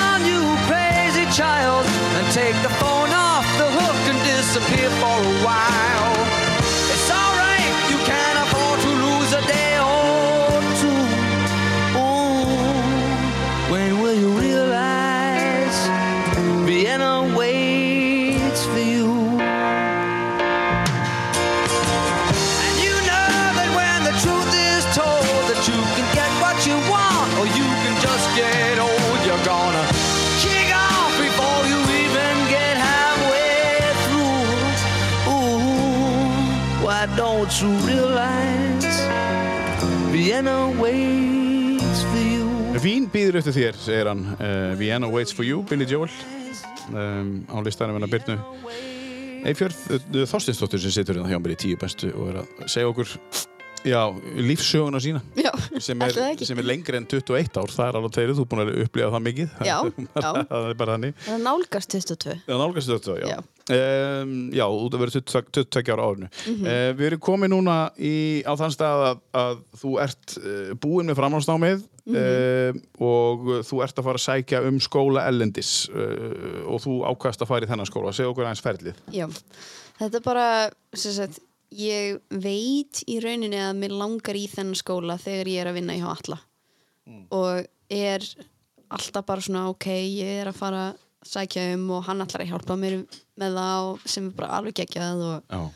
og maður þarf að sækja um svona skóla alveg með eins og hálfs árs fyrirvara Vá. eða eins árs fyrirvara Já, bara þess að komast inn, eiga möguleika að komast inn. Já, og líka bara svona einhvern veginn, þú þarfst að fara í gegnum svo mikið Já. Mhm. Veist, það er, þú ert að taka tungumálapróf og svo jafnvel fyrir bandaríska skóla sko. og Já. svo er SATs Já, já. og alls konar Já, sem þú þarfst að taka og það getur alveg verið mánaðaferli skilur já, við með mitt. og, um, og svo er náttúrulega líka sem er réttgerð Já, já. og það er oftast þannig í flestum skólum, allavega bandarísku skólunum sem ég sótti um, þá þurftur að koma með bara rítgerð uh, og segja að hverju þú hefur svona mikla ástriðu fyrir greininu sem þú ætlar að sækja um og, og bara að hverju skólin mun einhvern veginn bara svona hafa, hafa það betra bara benef- benefitta að fá, fá þig Hvaðan græðir á því? Hóði? Mhm. já, hvaða græðir já, Já. já já, þú er bara búin að vera mikið ellendis. rosalega sko, ég er alltaf að týna orðinum ég er, s- já uh, ímyndaðu þér hvernig fóreldrar mínir frá Grenivík sem eru bara mjólk og bolti bara, þú veist, Og bólur. og bólur uh, um, en já, þannig að já, ég var í þessu ferli alveg mjög lengi og fekk meðmæla bríð frá honum alla og, og hérna og var alveg tilbúin í þetta allt saman en svo fæ ég hennar miljóna styrk Já. og í- Áður hún ferð. áður en ég fyrst Já, af hverju fyrstu miljón styrk áður hún fyrir það?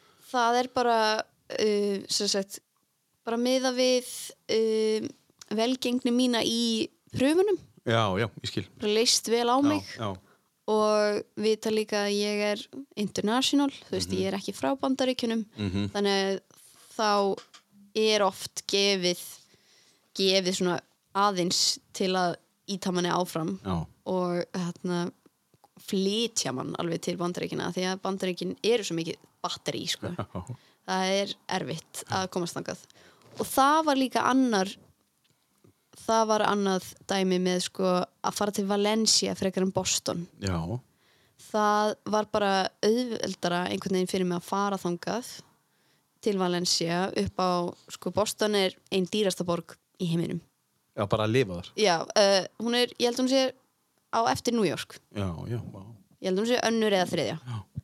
og hún er auðvitað mögnuð já, já, og ég ætla, ætla mér að fara þángað já, ef ég fæ fullan styrk já, ég skil. já, uh, uh, en já, ég bara einhvern veginn svona vildi líka upplega bara svona ára að búa í sól og einhvern veginn bara svona allt annað eitthvað allt annað Mhm. og þannig ég sóttist eftir því þannig ég fekk bæði styrk og að komast til Valencia því að það voru bara, þú veist, það eru bara 20 manns Já, ég ætla einmitt að spyrja því, þetta eru 20 mann sem er teknið inn á önn. já Á önn eða ári. uh, á ári, Á ári, fyrir já. mig Já, sko, fyrir þig, já. eða sem sagt fyrir fyrsta árið Já, já. svo getur þú farið í önn mm. setna, Já. þú veist á þriðja ári eða eitthvað, eða þið langar það, er, það kallast bara svona study abroad experience og það er bara einun Ok. og já, þannig að við vorum bara þarna lítill hópur sem fengum að kynast hvora öðru mjög vel Já, og fórum inn í Valencia skólan og Valencia skólinn hann er miklu minni þetta er bara svona minna samfélag haldið betur um þig og þú veist, rosalega góð stúdíó og bara aðstæða af því þetta er svo nýtt og þetta er náttúrulega byggt á einhverjum klikkuðum stað En nýtt á að þetta er útibú. já, Meinarðu? já Það er allt já. nýtt þarna. já, allt Já, nýtt þarna. já. það var byggt held ég 2011 já, Já, vorið 2011 Já. það var, skólinn var 10 ára þegar ég var þarna já, og það er bara allt glænýtt sko.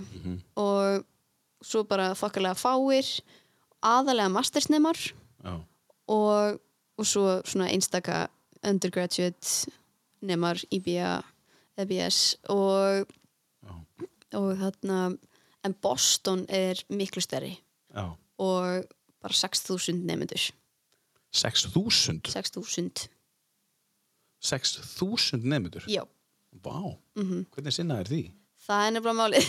Við, við erum svona, við erum stundum að pæla í því hvort þeir höfðu tekið ofmarkaðinn Já. uh, eftir COVID af því að þeir áttu í þessum Já. Mhm. fjárhúslegu erfiðleikum eins og þeir segja. en, um, en núna eru 6.000 nefndur í Boston og, og það er alveg klikkað. En þeir eru líka með skólan í sko 6 eða 8 byggingum, Já, bara mismunandi. já, Og þetta er, þetta er risastórt já, ég trúi því. þetta er bara, já, og ég á eftir ef ég fer þangað, þú veist, ég á eftir að vera bara hvert á ég að fara í tónhyrn og hvert Já, á ég já, að fara í, já. þú veist Já, já. og svo að hlaupa á milli bygginga til að til að fara í tíma og það verður mjög áhugavert að sjá Þú segir sko þegar Já. ég fer. þegar ég fer Þú ert alveg búin að ákveða það. Já, Já, maður vill allavega svona já, hafa hausinn þannig að Mhm. og leifa einhvern veginn bara svona flæðinu að ok, bara, þetta er að fara að gerast já, af því að ef að ég er ég, ég svona trúi því að ef að maður er óviss Mhm. þá er heimurinn ekkert að fara að gefa þér Mhm. hlutina þú þarft einhvern veginn bara svona að standa á þínu Mhm. og leifa hlutunum að gerast og ef þú stendur á þínu þá er líklegra að, að hlutinni reddist segir stopnandi Confident Woman Music sem er bara mjög góð orð frá þér Þannig að, hérna, en, en, en sko svo ertu búin að fara í gegnum þetta ferli að, að, að þú kemst inn já, hver er tilfinningin? hún er geggjuð sko Já, ég bara, getur þú sett hann í eitthvað orð bara hvernig þið líður?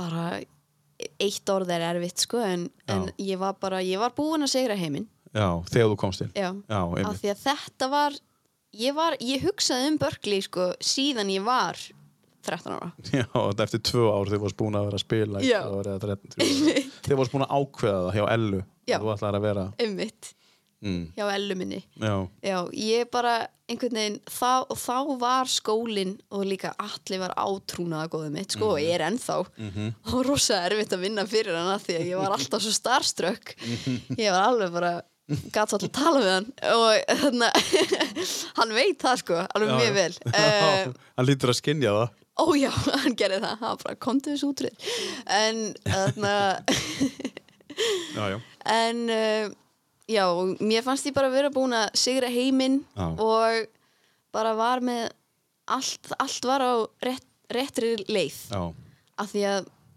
það var alltaf tilfinning inn í, inn í mér bara svona mun ég samt að einhvern tímann fara í svona skóla þú veist, þetta er, Já. þetta er náttúrulega draumur og ég trúi bara að allir þessi hlutir, þú veist konsertmeistarin, uh, klára framhaldsprófið og miðstíð áður en ég fer í mentaskóla uh, vera tónlistastjóri í Ellema, tvö ár með mjög kræfjandi verkefni Broadway leiksýningu þar á meðal og bara allir þessi hlutir haf, og að vinna hjá alla að sjálfsögðu stærsti parturinn hafi bara svona einhvern veginn hleyft mér í gegn já bara svona, ég var búin að sitta inn vinnuna Og líklega mindsetið þitt líka já, já, Já. auðvitað, líka Já. það já. Þú sjálf já, já Þannig að þau gefa þér allavega eitthvað Já, kredit já, líka. já, ég, ég komst inn út af mér vissuleiti, já, En, en sko heldur að sko, hjálpa sko Nú, nú búum við bara í litlum bæ já, uh, og þú býr í enn minni bæ hérna, hérna í Greinavík en, en Mhm. Já. býr, þú ert, býr, er,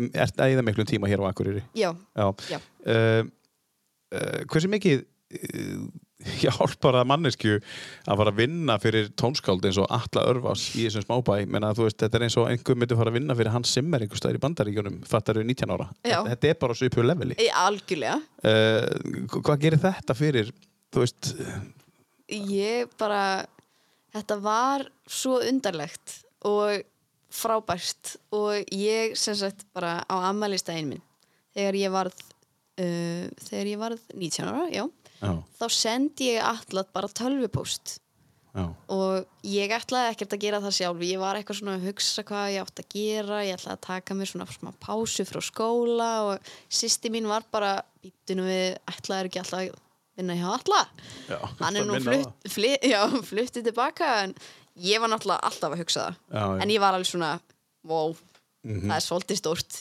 ég er bara 19 en ég bara samdi einlægt bref Já, til hans og fekk svo e-mailið hans og sendið það þangað og hann bara svaraði mér á einna við tíu mínútum eða eitthvað já, og var bara heyru, þetta geti verið alveg frábært fyrir mig, af því ég sem sagt bauðst til þess að gerast nemi eða intern já.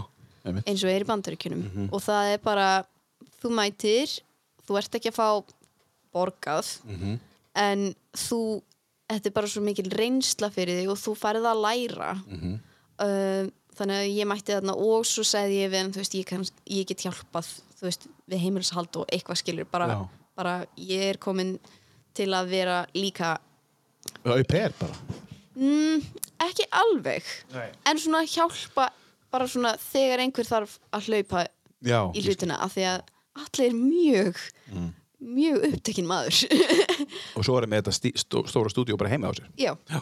Algjörlega. Algjörlega. Það Já, er já. eitt flottasta stúdíó bara á landinu. ef ekki Ef það ekki, flottast ég bara flottasta. Ég hef ekki séð það en, en ég bara heyrst það. það er rosalega flott Já.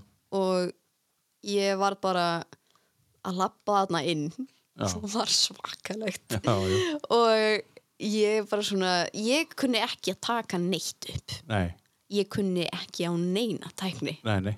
og þarna var líka svona óruga Já. byrna bara svona ég ætla að fara að vinna í stúdíói Já, hvernig á ég að fara að því já, já. og ég Með því að læra. með því að læra, Já. nefnilega og ég var svo ótrúlega heppin að, að allir, hann var með starfsmann þarna líka, annan sem var svona teknimaður og samti líka uh, með honum og hann er frá Indlandi, hittir Srira Maduri og hann kendi mér allt, Já, bókstaflega allt já. og svo setna kemur um, indislegu strákur heitir Finnur og uh, og vinnur hjá honum núna Já. sem sagt og hann hjálpaði mér líka ótrúlega mikið og hann, þessi Finnur hann bendi mér á Berkeley Valencia Já, ég skil. Þannig er komin. hann er komin tengingin sko Já. Já. og ég læri þessu ógislega mikið þannig Já. og það var mjög erfitt að mæta í vinnuna á hverjum einasta degi að vinna fyrir átrúnaðar goðið og vera bara næstu í skjálfandi á beinunum bara Mhm. hvað hvað er ég að gera í dag En hvað tímið með þannig að þú sendir meilið, Já. þá svona kemur eitthvað svona, oh, ég er búin að senda, Já. sjá hvað gerist. sjáum hvað gerist Tímið þú setna bara svar. Já. Hvernig, þú veist, hvað gerist þá hjá þér? Bara, ég "Heyrðu, þetta bara. hágrét Já, sko alveg. bara streytan bara, wú. Já, ég trúði því. síðan ég var 13-14 ára Já. var ég búin að dreyma um þetta moment Já. ég hágrét sko Já, ég trúi því. ég bara einhvern veginn þetta var, Já, já. þetta var svona líka bara svona vist öryggi Já, fyrir tónlistar framtíð minni já, já.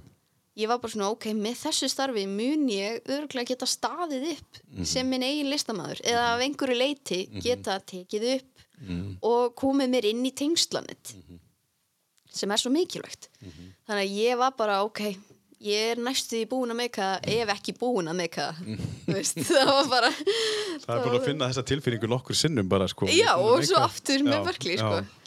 Um, við ætlum að, þegar þú pakkar í töskur og, og ert á leiðin út, Já. Mhm. það er næsta skref. Um, eh, tökum lag. Já. Um, hvað hefur að taka?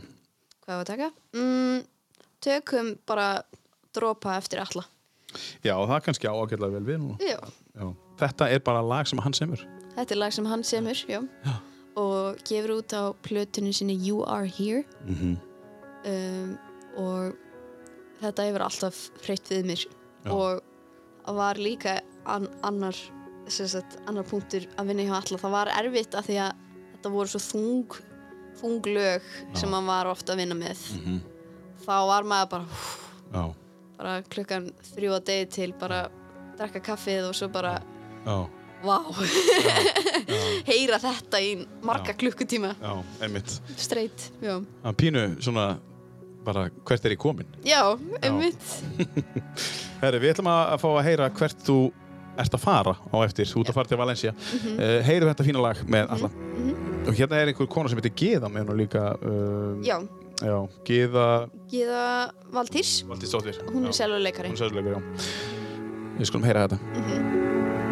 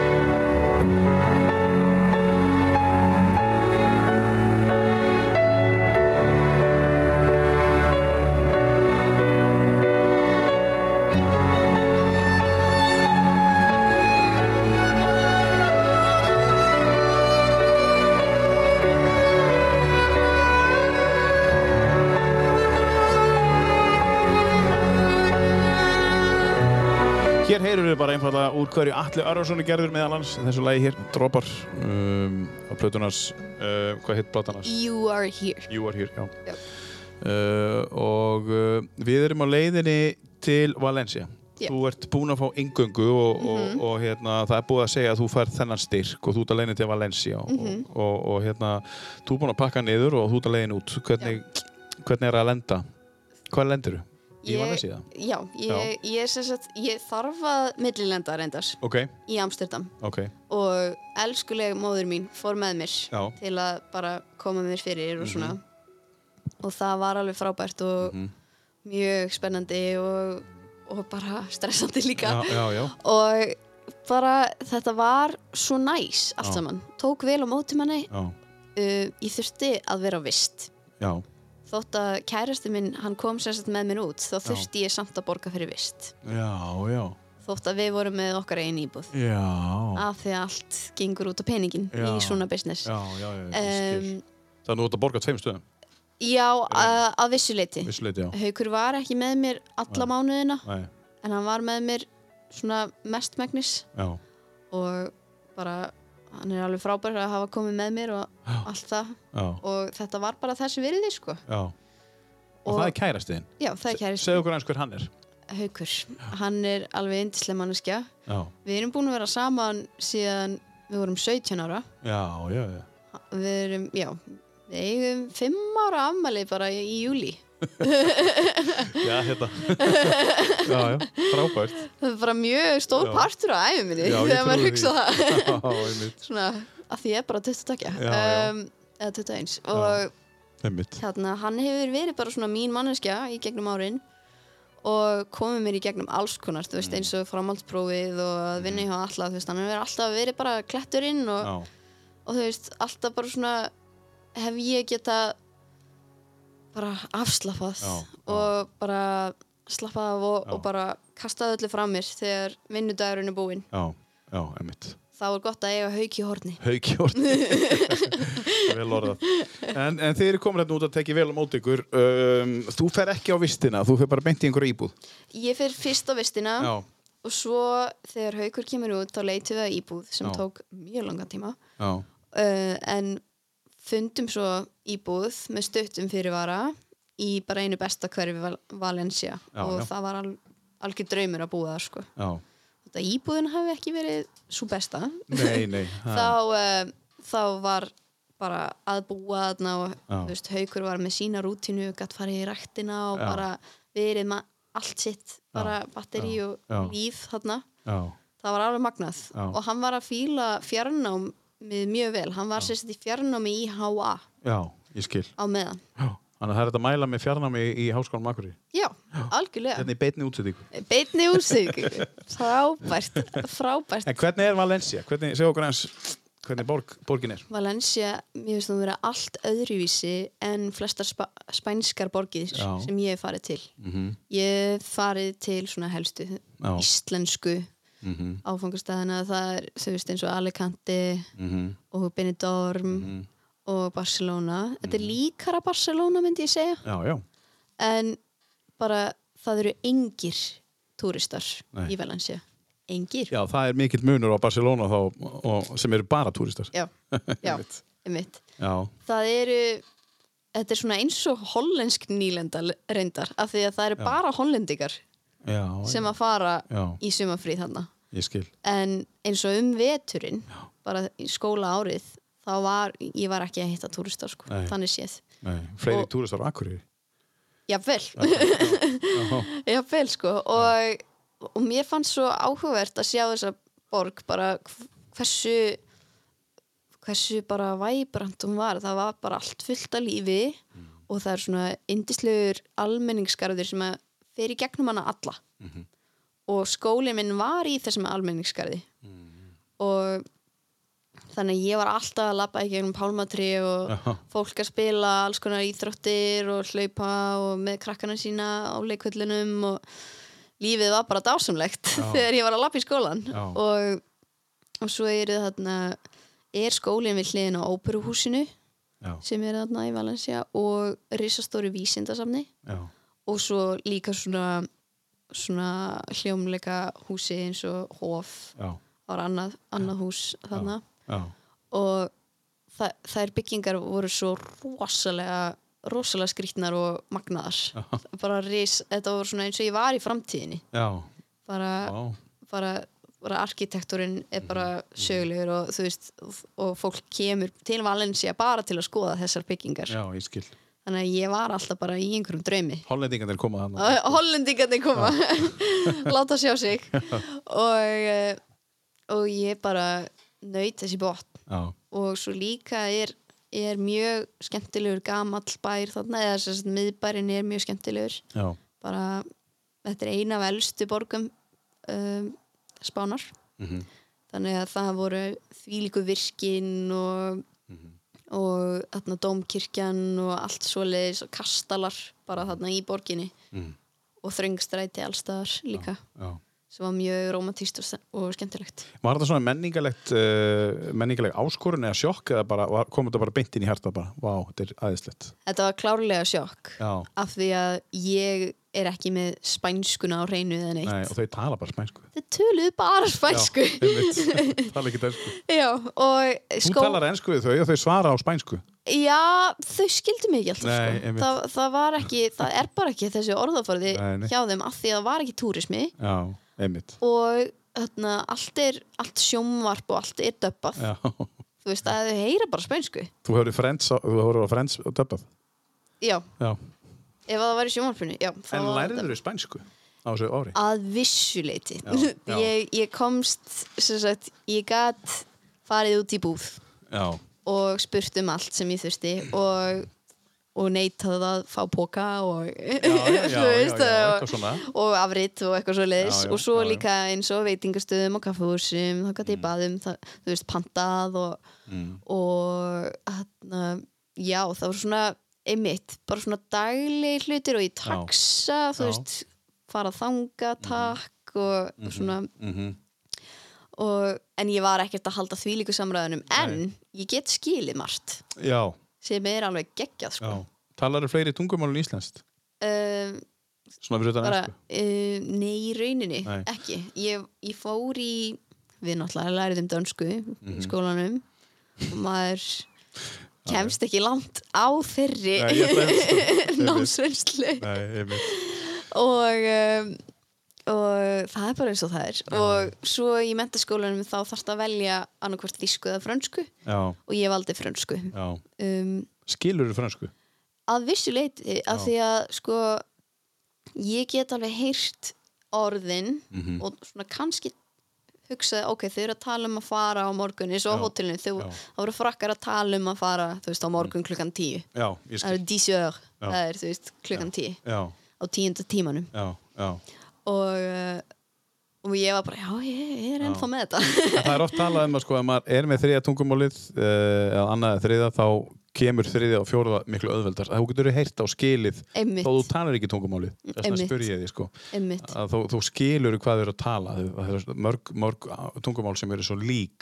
einmitt, sko Þannig að þú skilur, en kannski getur ekki svarað. já, Já, spænskan og franskan það er svona það er svona pínu Kemur líkt. skilt sko. já, en það var alveg það var mjög oft á hótelinu núna undanfarið þar sem að ég sagði, þú veist, perdón þú veist, Já. bara afsakið á, á spænsku þegar ég ætlaði að fara að tala ensku eða eitthvað sko já. já. já.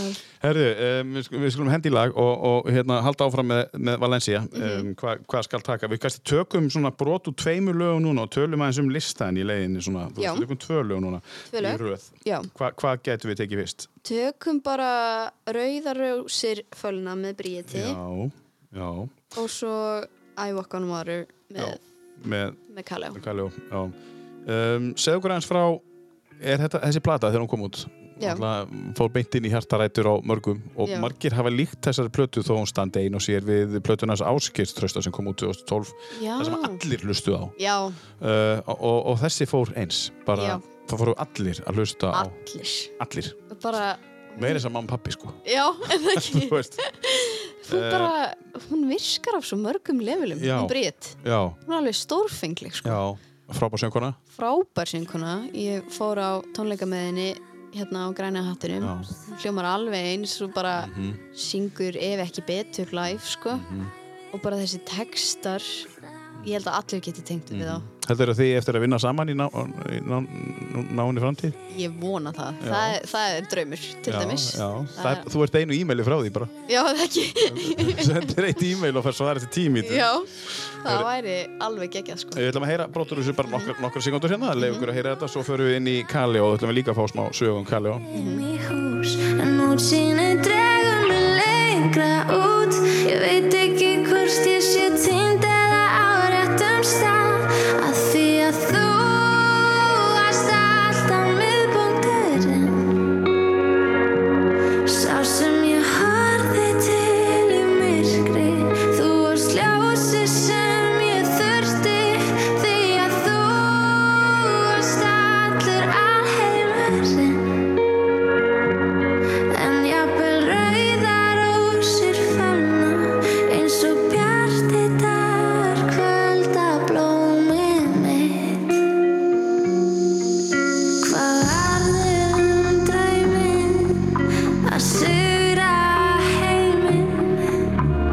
Við tvö á móti strönnum. Hvarlar Heyrim uh, laga þessari frábæra plötu sem að uh, uh, heitir, uh, heitir hún ekki bara Bríett? eða? hún Nei, heitir Kveðja Bríett Kveðja Bríett, já. Já. Uh, rauðar Rósir Fölna, mjög persónlega plata þegar maður hlustar á það. rosalega persónleg Já. ég elska það bara að hún hafi leift okkur að stíga inn í hennar heim Mhm.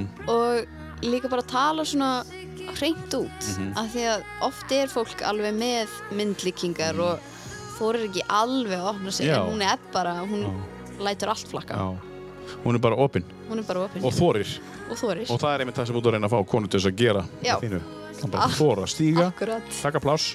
uh Herru, svo ætlum við að fara í plötu, nei, í, í hljómsveit sem að er að túra núna, sem ég fylgist með núna, þeir eru að túra út um allt og þeir verðast vera að spila þrissar í viku bara, eða eitthvað, tvis, Já. alltaf tvissar í viku bara, þetta er Út um klikkað sko allt. þetta er klikkað og alltaf starri og starri audience, finnst mér, þegar ég fylgist með þeim. Já, þeir, eru- þeir eru hitt upp fyrir Rolling Stones líka og Já. bara þetta er Já. klikkað sko. og Var marg, ykkur dúdar úr Mósabæ? já, hugsaðu þér Já, ég veit það. mér finnst, ég verð bara, ég fyllist af svo miklu stolti Já. að hlusta á þá og bara margir vinir mínir úr Berkeley vita ekki að Kaleos er íslenskt Mhm. Já. en hafa farið á tónleika þeirra í bandaríkjunum og eru bara miklir aðdóndur já, sko. já. Þetta er kannski svona, sem líka svolítið inspired, þú, þú verður bara svona bara fyllist bara svona, herri, ég get ef, ef þeir eru þarna, þá veist, hvert ætla ég að fara sko. nefnilega sko. já, það hefur alltaf verið Já. einhvern veginn hugsunum mín Já. þeir eru svo öðruvísi líka já, Þú veist, það er einhvern veginn engin eins og þeir þeir byrjuðu sem þú veist þungarokk mhm og bara heavy metal bara mm skilur og svo einhvern veginn kemur svo indisleg þróun Mhm. út í kannski eitthvað meira meira mainstream en Mhm. þetta er samt svo heitlandi já og svo, þessi söngvar er náttúrulega bara Já.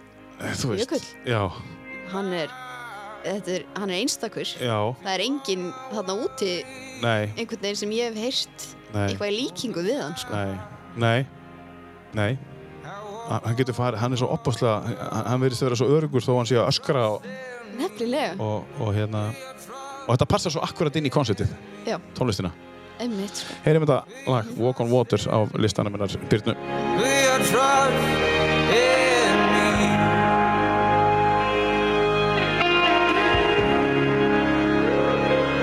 I walk on water.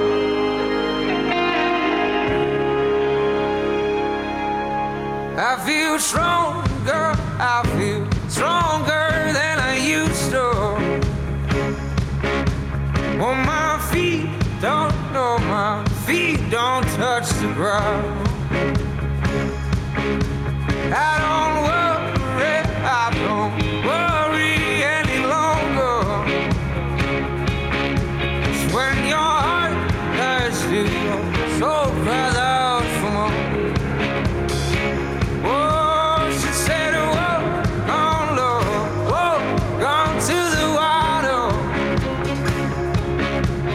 I went further, I went further than before. We don't need to have fear of going under. 'Cause I can hold you now anytime. Oh, will you trust in me? Will you trust in me? Put my trust in you. Put my trust. I walk on water.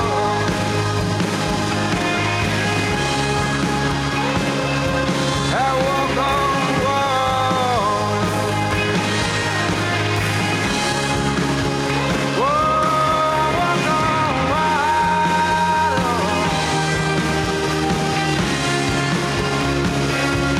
I walk on water.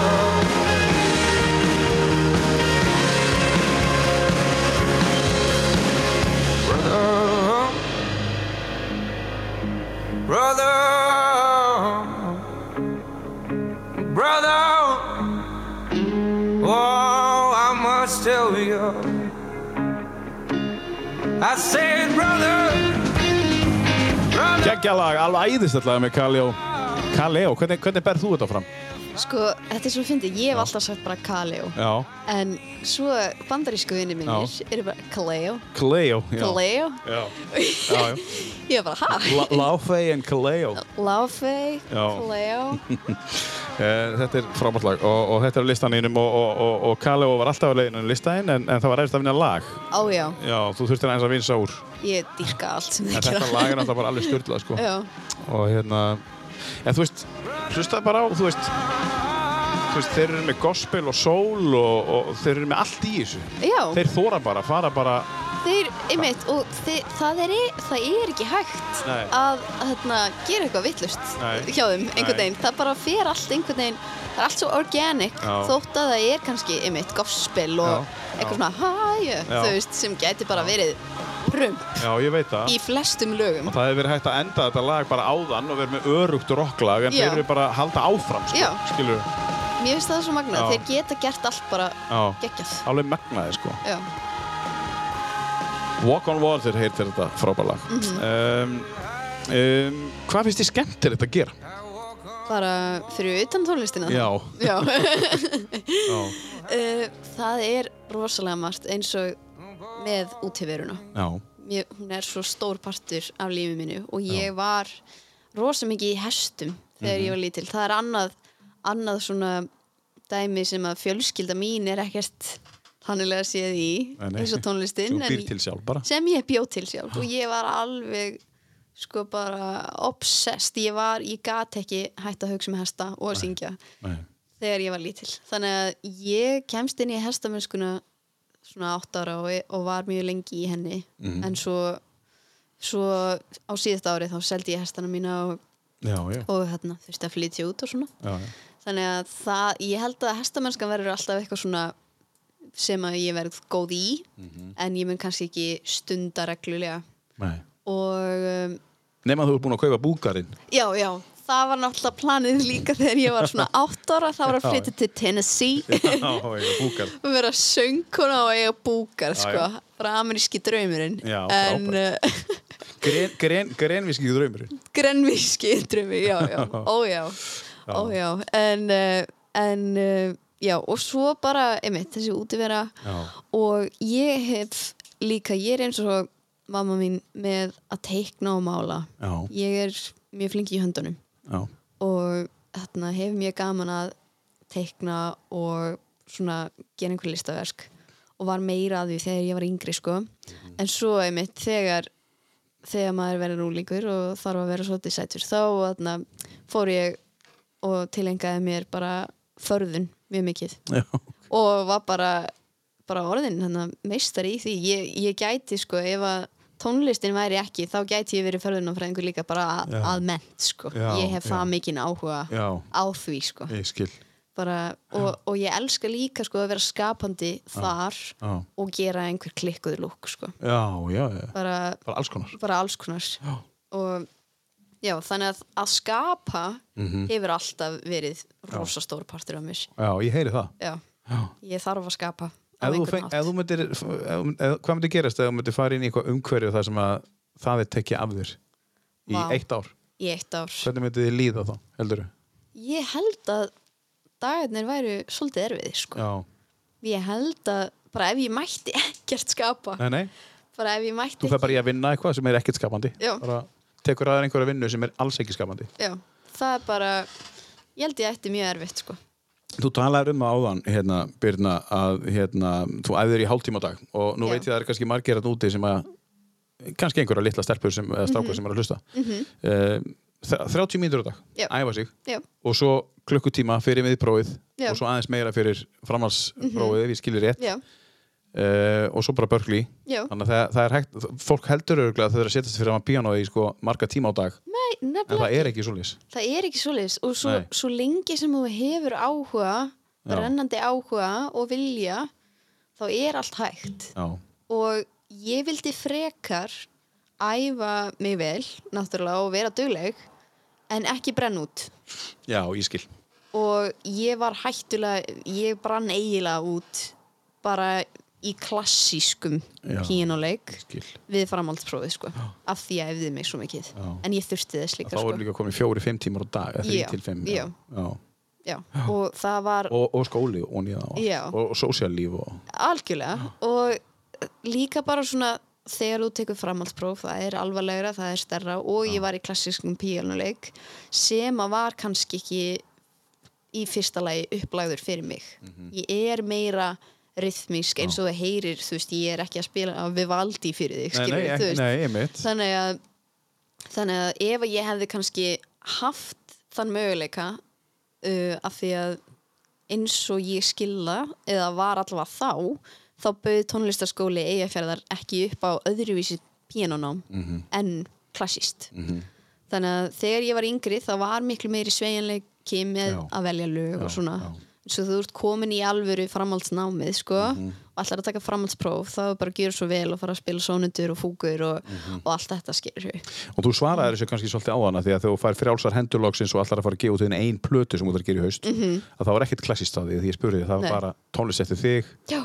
og, og, og textar og sungið og spilað mm Mhm. Já. Mhm. bara svipa og brétir að gera að aðrir skilur bara einhver svona lög já, skilur bara lög Já. og, og og ég, mér finnst rosalega mikilvægt að ég hafi fengið þessa klassísku mentun Já.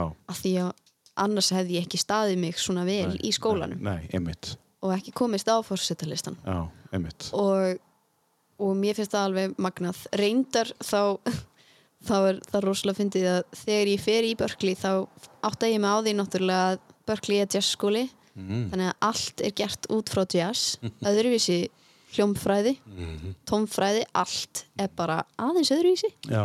þannig ég þarf svolítið að byrja aftur á byrjunarreit og taka jazz grunninn Já. Já. en nú á ég báða grunnina Já, sem er já, svo magnað einmitt, já. og mjög dýrmætt Já. og ég get áttað mig á öllu sem er að gerast í hvaða tónlistarumhverju sem ég er í Já. sem er mjög gaman sko Já. Já. Um, við ætlum að fara í, að sjálfsögðu, fórsetengununa. Já. Mhm. Þú ætlar að segja okkur aðeins frá því og eftir uh, hvað það er, já, Mhm. hvernig þú fjast hana og uh, hversu uh, þú veist, mikilvægt fyrir þig er að fá þessa engun og hvað það getur hleyftir í og hvaða dýr það opna já fyrir þig. Um, við ætlum að taka eitt lag fyrst. Mhm. Hvað getum við tekið næst? tökum bara um, Freedom með Já. Beyoncé og Kendrick Frelsi. frelsi, já, Eins og þú ert að fá bara núna að semja þín eigin tónlist og þín eigin plötu. og- loksins En þarft að fara í gegnum klassíst nám Mhm. til þess að komast ángað. já, Þú veist, það þarf að gerast. það, það þurfti allavega fyrir Já, mig Já, já, mér fannst ég þurfa ógeðslega mikinn grunn já, og ógeðslega mikla vitund já.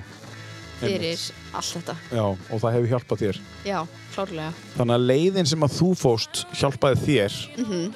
og hérna, stundum er þetta ekki skemmtilegt nei, Nei, en stundum bara þarft að gera þetta algjörlega og ég, ég einhvern veginn svona trúði mér mikið á bara að þótt að lífið er ekki gegn núna að ef þú ert að vinna að markmiði og þetta er þess virði Já, þá ætti ég að gera það. já, og, mjög vel sagt já, og ég þa- einmitt þá fresta hamingi minni eða þú veist, allsælu, fattaru Já, allsæli ég, va ég var ekki ég var ekki þunglind nei. alls ekki, en þú veist ég er að fresta þú veist að einmitt, að vera bara 100% Já, í einhver tíma já, til að ná svona langt já, og, mjög, mjög aðtökulsvært já, og sem ung stelpa þá hljómar Já. það svolítið En þetta skringilega er svona afreks hugsun sko, algjörlega Þetta er bara afreks hugsun sem sko. Aha. að er í þér já, og alveg frá að þú varst bara lítil já, Þetta er kannski eitthvað sem hefur verið í þér já og ég held einmitt að fórsetið einhverjum komi bara með öllu þessu, þetta Já. mindset Já, þetta er bara mindsetið þitt og Ég bara, held það. Já,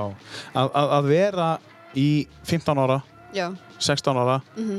og hugsa, ég þarf bara að spila píano núna í, í hérna, einhver klukktíma á dag Já. Mhm. eða hvað það er sko og, og eins og þú segir, fresta alsælunum, ég staði svolítið magna þú ert ekki Já. að fresta það að hafa gaman nei, þú bara, að það sé ekki alltaf gaman allan daginn já, þú veist, og bara, ok, ég þarf bara að gera þetta og síðan ætla ég að hafa gaman Mhm. já og þá verður alltaf svo miklu skemmtilega já, þú veist, þú nefnilega. er búinn Nefnilega. Herðu, hlustum á Kendrick og Beyoncé í smástund Mhm. Tell her deep I know. I'm telling these tears going fall away, fall away. Oh, may the last one burn into flames.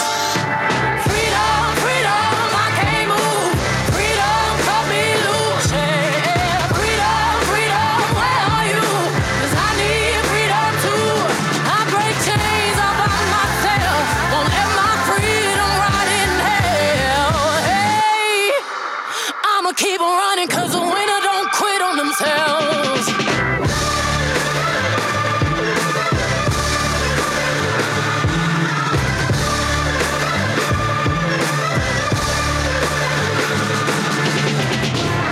Ten Hail Marys, I meditate for practice. Channel 9 News tell me I'm moving backwards. Eight blacks left, death is around the corner. Seven misleading statements about my persona. Whew. Six headlights waving in my direction. Come on.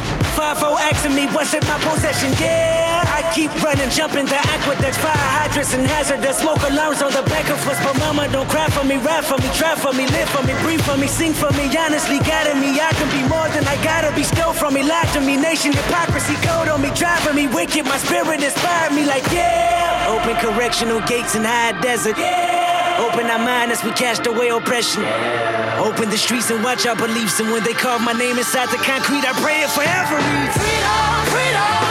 Það er mikið orka í þessu lagi og, og hvernig sækjur þetta lag? Er þetta bara svona í gýrin? Þetta er á Lemonade, plötunni hennar, Beyoncé og þetta er einmitt þetta er þessi eldur sem Já. hún kemur með og ég hef bara alltaf haft þetta einhvern veginn bara svona þegar sérstaklega náttúrulega ef ég er á æfingu þá er þetta my go to sko Já, já, já. að bara að keira í gegn Mhm. en svo líka bara þegar lífið var kannski aðeins aðeins erfitt Já. þá bara, heyrðu, nú ætlar bara að halda áfram hérna Mhm. Þú ert líka að búa til frelsi, sko, Já. bara þú ert að fresta, þú ert að búa til frelsi kannski eftir þrjú ár. nefnilega, Þegar þú ert búin með þetta allt saman, þá ertu komið svo brjálaslega mikið frelsi. Í nefnilega staðan fyrir að vera með allt þetta frelsi eins og þú segir bara þegar þú ert ung- yngri, yngri, yngri og síðan kemur sko erfiðu tímanir, Einmitt. það sem þú ert að fara að kaupa íbúð og börn og allt þetta, Já. að þá ertu bara allir komið frelsi og búin að búa til frelsi þar nefnilega, og, og svolítið magnað sko, eins og þú sagðir þetta að fresta alsælun, mér finnst það alveg magnað sko, að, Já. að, þetta þarf ekki að vera alsæla alla daga, alltaf, nei vegna þess að hann virkar ekki í lífi og þú ert bara búin að átta það á því bara ú- mjög ung Já, einhvern veginn og líka bara það var allt þess virði bara Já. með að við hvað tónlistin var mikill partur af mér og þú veist þegar ég er úlingur þá er ég alveg svona common, er ég samt að fara að gera þetta -hmm. þú veist ég get alveg bara hætt að hugsa svona mikið og leift mig bara aðeins að slaka á sem ég gerði alveg Mhm. þú veist, ég var ekkert bara klikkuð Nei, nei. En, uh, en það var alltaf einhvern veginn þess virði Já. í endan af því að bara tilfinningin að syngja og að spila var bara svo mögnuð, þú veist, ég fekk bara roll í hvert skipti sem ég spilaði lögin mín Já, já. ég var bara svo hugfangin af þessu öllu saman þú- og já. Mm. já, vildi búa til það líf í framtíðin einhvern veginn Já, þú, var- ég- það, það, það er einmitt málið. Þú varst ekki að eldast við að gera það akkurat núna. Nei. Þú varst að undibúa eitthvað. Já. Og það er það sem er svo antiklisvert. já, Og það er þessi afreikshugsun. Ég Já. er að undibúa mig fyrir eitthvað stórfenglegt. einmitt En, en, en, en sko, þegar þú ert 15-16 ára, Já. ert í þessu að fórna, hvað voru margir í kringu því að gera það sama? engin, Nei, ég er að meina það sko. Já. Og og hvað voru margir í- sem þú þekktir og vissir um sem voru að gera það sama? Einstaka aðilar. já, Já.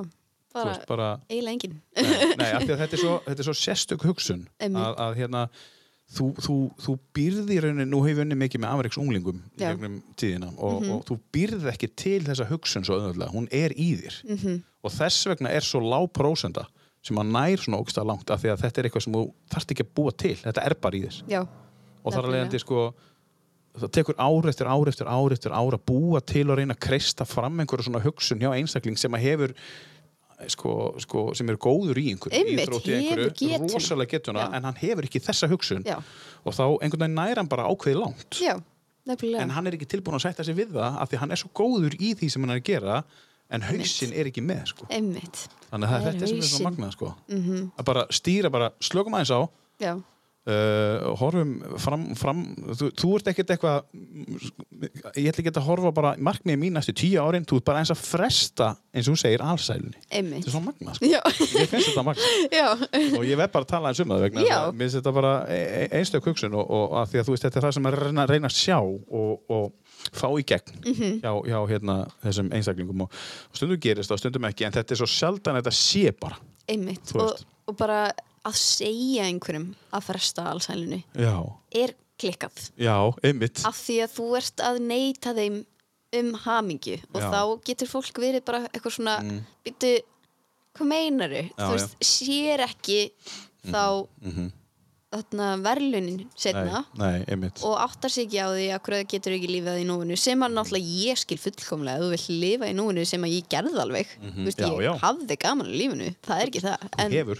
ég hef, já, ég hef gaman í lífinu uh, en það var bara það var bara svona einmitt af því að ég kaus það já, og af því að það var aldrei nein pressa nei frá neinum Nei, það var enginn sem sagði við mig oh my god, þú er svo geggjuð á piano eða geggjuð að syngja, þú ættir að verða þetta Nei. það var eiginlega bara svona ef þú vilt gera þetta, þá máttu halda áfram þú veist, Já. okkur er sama Ja, þú varst, það, það er mitt þetta, þetta rós sem að kannski allt og margir er að fá já, uh, sem eiga það kannski ekki skilið og er kannski alltaf að fá rós fyrir eitthvað -hmm. en svo er aðri sem er alltaf að rósa sjálfum sér fólk greimir, greimir að rósa sjálfum sér ég er góður í einhverju -hmm. ég er framúrskarandi í þessu Einmitt. nú ætla ég að einmitt og þá þarf ég að þá þarf ég að Já, einmitt. nefnilega og, og mér finnst svo magnað þegar ég kem þú veist, ég, var, ég var með þessa skoðun á sjálfur mér bara ég er frábær á tónlistkona bara þegar ég er í grunnskóla á Greinivík þú veist það er eiginlega engin annar að spila svona lengi á hljóðfærið þar og eiginlega allir hættir Já, svona Mhm. já. eftir þriðja fjóraða bekk Þar var, þá var ég að byrja og ég held alltaf áfram og svo þegar ég kem mentaskólan þá er ég svona, wow, ok, hér eru margir góðir pínuleikarar og söngunur og ég fekk svona Mhm. imposter syndrom já,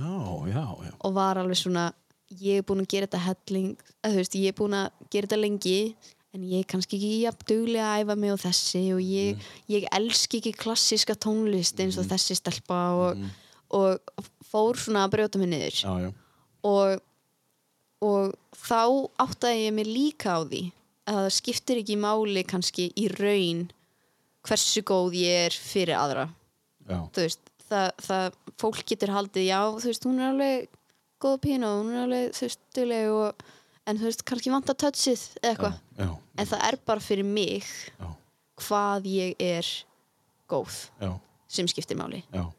og ég ákvað það þá svona undir eða svona í mið, miðri miðjun ámið þarna um, í mentaskólarum að ég væri bara frábær Já. ég væri bara framúrskarandi og þarna ætti að taka þátt í öllu -hmm. Mhm. og fólk væri bara heppið þá fórst að sækjast eftir að vera hérna, stjóri í hérna, leikfélaginu, leikfélaginu Já. það var þvíli grinsla líka af því að sérstaklega setna ári mitt þá var svo metnaðfullt verkefni sem að var Já. eða sem sagt verk sem var tekið fyrir og það var um, Fun Home um, sem er Broadway söngleikur Mhm. já, já, og Emma Ellema er búið að vera svo ótrúlega metnaðfullt með síningarna sínar og það er alveg klikkun sko en bara gaman að því Já. og þannig að ég fekk að stjórna hljómsveit með bara uh, verk sem að tók sjö ára að semja já, og er bara rosalega erfitt já, einmitt og með framhaldsskólanema já. Veist, hvernig gekk þi- það? það var það var, við bara, ég sagði bara við þurfum að byrja á öll, undan öllum leikrunum á öllum, að æfa okkur Já, já, við erum bara að byrja, byrja á undan öllum og svo ætlum við að vera bara tilbúin áður en við fyrir að æfa saman af því að það er bara þannig að hljómsveitin var bara svona sitt eigið batteri og það varði jafn mikilvægt og leikararnir En hversu, hversu nú, nú kemur það aftur í gegn mm Þarna varst þú með þína þitt mindset Mhm. Já. Við þurfum að byrja undan og hætta Já. Þegar allir eru, þú veist, búin að hætta Já. Eh, Hvernig var að fá alla með sér í það? Alveg honestly Já, það var, það var nefnilega svo magnað af því að það var svo mikil eftirsók Já, að vera í hljómsveitinni já, og ég einhvern veginn mér finnst eins og ég náði bara ég og vinkunum mín Solrún Svava sem er uh, fyrirleikari mjög hæfileikarík hún aðna, við vorum saman í þessu og fengum bara krakka með okkur og sögðum þeim bara upp front bara, heyrðu, við erum að fara að gera þetta og hérna, hér er playlisti af öllum lögunum sem við þurfum að spila og við fengum sem betur fyrir nótunar beint frá, þú veist, Danmörku eða eitthvað, bara af skorinu þannig að allir voru með sína parta eins og þeir voru í leikritinu já, á Broadway já sem var alveg geggjað þannig að ég þurfti ekki að fara að útsetja Nei, nei. heilt Broadway leikrit Nei, nei, Mhm. nei. á eigin spýtur og, og ég gaf þeim tíma og ég gaf þeim traust Já, sem að skiptir svo miklu máli og ég var aldrei að pressa á þau eða segja þeim að þetta myndi ekki rettast eða þetta myndi ekki ganga og ég trú svo mikið á það að þú veist að ef að e-, einmitt, ef að þau voru ekki alveg að finna sér fyrst eða alveg að ná þessum partið eða eitthvað, þú veist, þá bara þá bara tóku við að því við höfum tíma og að því við höfum tröst já, þá bara tóku við tók við okkur bara svona, einmitt, horfðum á hlutina eins og þeir voru og voru bara, voru mjög mikill stuðningur fyrir hvort annan, eh, fyrir hvort annað og, og það er svo mikill þáttur í öllu, finnst mér. Þarna ertu hvað gömul? Þarna er ég 18-19 ára. Já, ertu byrjað að vinna fyrir alla þarna? Nei, Nei, þetta er áður um byrjað að vinna fyrir alla Já. og þú ert farin að vinna þarna með heilan hópa fólki og gefa þeim tröstið eins og þú fjast hjá alla og Já. Þorvaldi já, Já, þeir, Þorvaldi, já. þeir gáðu þér tröst líka já, sama tröst og þú fjast og gafst já, uh, hversu mikilvægt er það að, að þú- þú gafst tröstið Já. Mhm. af því að þú vissi hvað það gerði fyrir þig og svo fest inn í, fórst inn í, í, í, í aðstæður þar sem að sko, uh, þú veist, þ- þín fyrirmynd er Mhm. -hmm. og þú fyrst líka tröst þar Hva, hvað gerði það fyrir þig að fá bara svona aðeins bara, er, þú fær bara smá tröst það var alveg magnað. Já, það hefði verið svo auðvelt að bara, heyrðu, þú gerir svona, svona, svona, svona, svona, þú veist bara, ok, Já. svona er þetta, en þú fyrst bara svolítið, eða eða mér skilst það, svona Já. á því sem ég hefur lesið. Þa, það, Já. var, það var allavega, það var þannig sko og auðvitað í byrjun þá náttúrulega vissi ég ekki neitt og, Nei. og hérna var svolítið erfitt að koma mér inn í hlutina Mhm. en ég fekk þessa leiðsögn frá Sríram sem að Já. bara var svo dýrmætt og bara hægt og rólega þá, þá þú veist, allir náttúrulega treysti mér alltaf og, og gaf mér verkefni og, og hérna og stundum gerði ég mistök það var alveg Já, guð mig góður. Já, guð mig góður auðvitað gerir maður- Mistök, leiðrétta þau. Já, mistök, mistök, læra þau. leir- leiðrétta Annars þau. bara lærir maður ekki neitt. Einmitt, það er nefnilega málið Já, og, uh, og það er kannski komu tímapunktar þar sem maður var alveg wow, þú ert, að, þú ert ennþá að gera mistök en ég bara trúi því að svo lengi sem þú ert alltaf með einmitt traust á milli uh, sem sagt, yfirmanns og, og svo starfsmanns að, að viljin og, og hérna, bara svona ég, vi- ég vill alltaf vel, ég er alltaf að gera mitt besta og ég næ alltaf að læra meira og ég verð því dýrmættri fyrir þig af því ég kann meira en aðrir og, og, og, þarna, og já, það bara einhvern veginn varðað svo gekk ég aðrið reynslu já, já. Það er svo að hlusta bara á manneski sem er búin að vera með 20 ár reynslu úr einhver að tala, sko. Það er, Já. það, er það sem er svo magnað og þú ert í rauninni Þú ert í rauninni með það af því að þú byrjar að hugsa svona fyrir tíu ára síðan þannig að þú ert í rauninni Já. komið tíu ára reynslu og eins og staðan er núna Já, já. ertu komin með fyrirtæki sem að heitir bara Birna Já. Eifur Þorstinsdóttir í rauninni Já, og það er bara, þú veist, sprótafyrirtæki þitt er orðið til, sprótafyrirtæki þitt var þegar þú varst 10 ára já, hugmyndin um að verða eitthvað, eða Já. 12 ára þú tókst ákvörðin um að verða Einmitt. tónskáld emmitt nú ertu komin með eitthvað, þú ert með hvað get, þú veist, þú ert með fyrirtæki tilbúið uppsett, Já. hvaða leið allar að fara emmitt, hvaða leið ætla ég að fara þú veist, það er málið. Já. Við ætlum að fara yfir í þessa storkoslegu einhvern sem hún fjast og, og byggja okkur um að útskýra hana fyrir okkur mm -hmm. uh, fórseta einhvernina sem hún fjast úr Berkeley, takk fyrir Mhm. Já. um, eftir næsta lag yes. Um, um, hvað, hvað, hvað, við eigum hérna uh, setjum bara Sweet Creature já, uh, Harry Styles já, Harry Styles Já.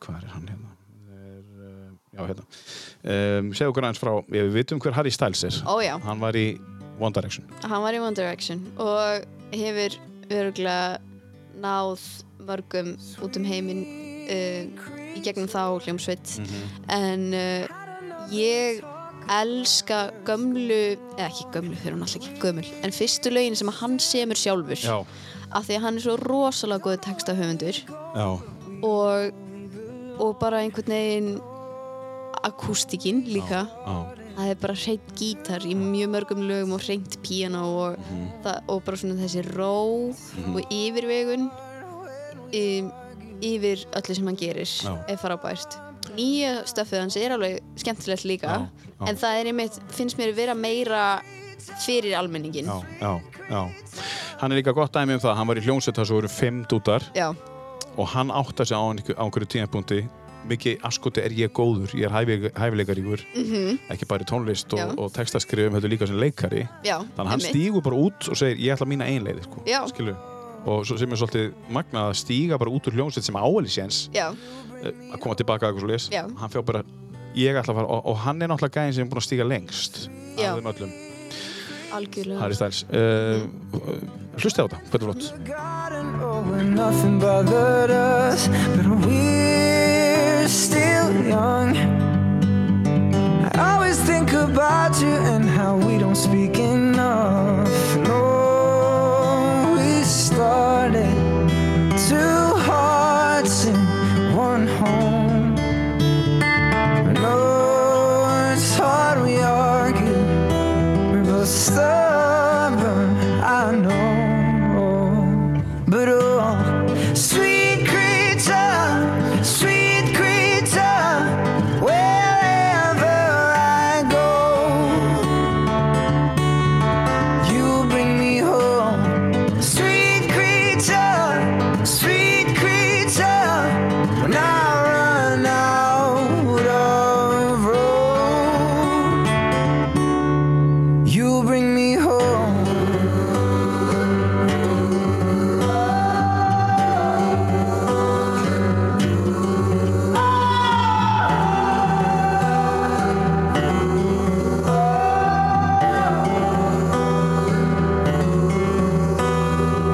No, when we started, just two hearts in one home. It gets harder when we argue.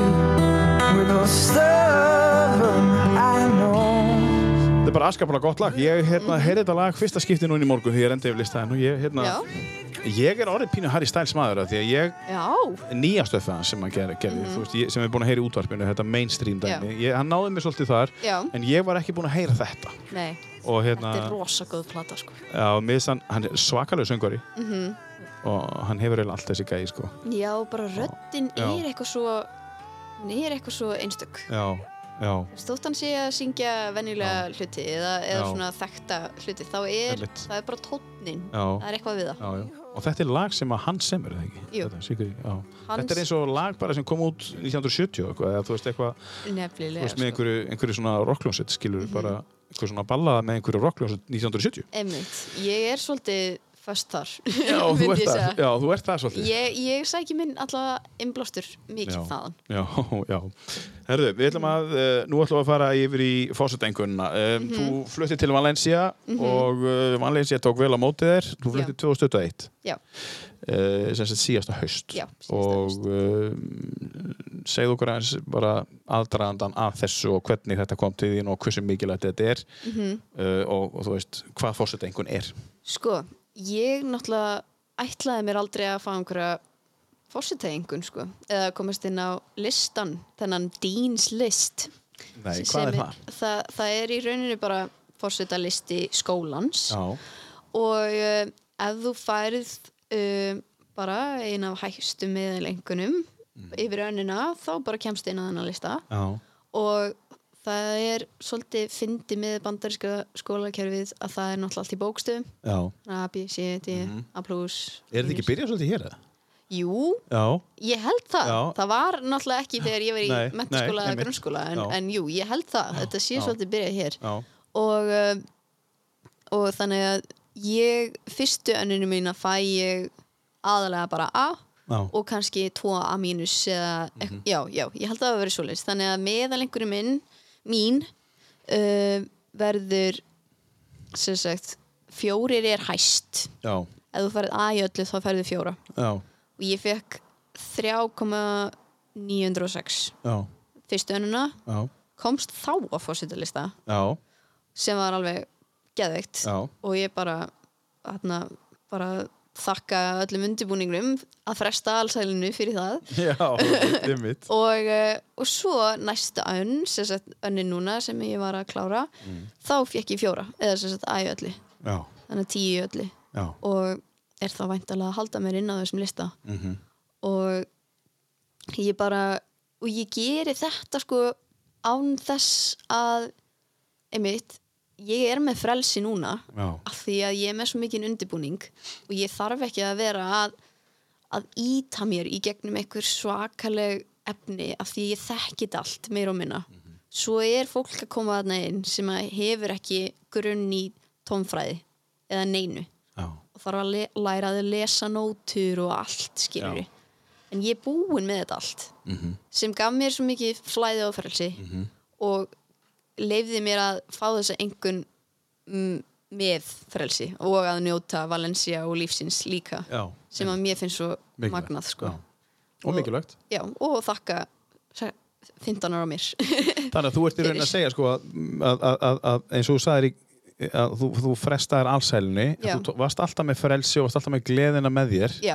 og hún fór einhvern veginn jafn í gegna og líka einhvern veginn börkli í staðin Já. fyrir að taka allsæluna Já. og síðan að fresta öllu Já. og bara vera bara inni í skólanum í eitt eða tvö ár Einmitt. bara til þess að fá þessu einhvern og þá náður við að, að í rauninni að, hérna, að, að, að taka á móti Valencia, lifa eh, lífinu þar og að fá þessu einhvern af því að undirbúningurinn var Já, Svo langur. og nefnilega og svo með þessu ferli þá hef ég tíma líka til að gera eitthvað gott eins og Confident Women in Music. Mhm. Já, einmitt, er tíma í það, já, Ég hef tíma og svegrum til að hugsa Já. um stærri myndina einmitt og Hvað gerir þetta fyrir þig, þessi einhvern? þessi engun. Já, Hún í rauninni skiptir mig ekki öllu máli nei, en ég bara vona að þessi engun hjálpi mér að halda áfram Já. í skólanum. Ég náttúrulega er meira en velkomin til að halda áfram, fattur já, já, já. en til að halda áfram í skólanum fyrir bara nánast ekkert því að ég er búin að borga nóg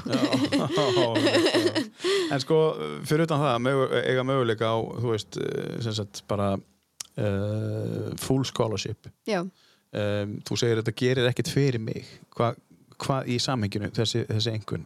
sko ef að ég hefði ekki fengið þessa einhvern Já, ég hef ekki farið að grátandi á kottan sko nei, nei uh, og er þetta var líka aldrei einhver þarna, þú veist, pallur sem ég þurfti að ná Nei, fórseta einhvern, það var aldrei eitthvað sem ég hafði hugsað um áður þannig að Nei. Mm. það var meira bara svona óendur glaðningur og plús mhm, þegar þarna, ég komst inn á þennan lista og fekk, ég fekk bara tölvupóst og bara, já, heyrðu, frábært Mm.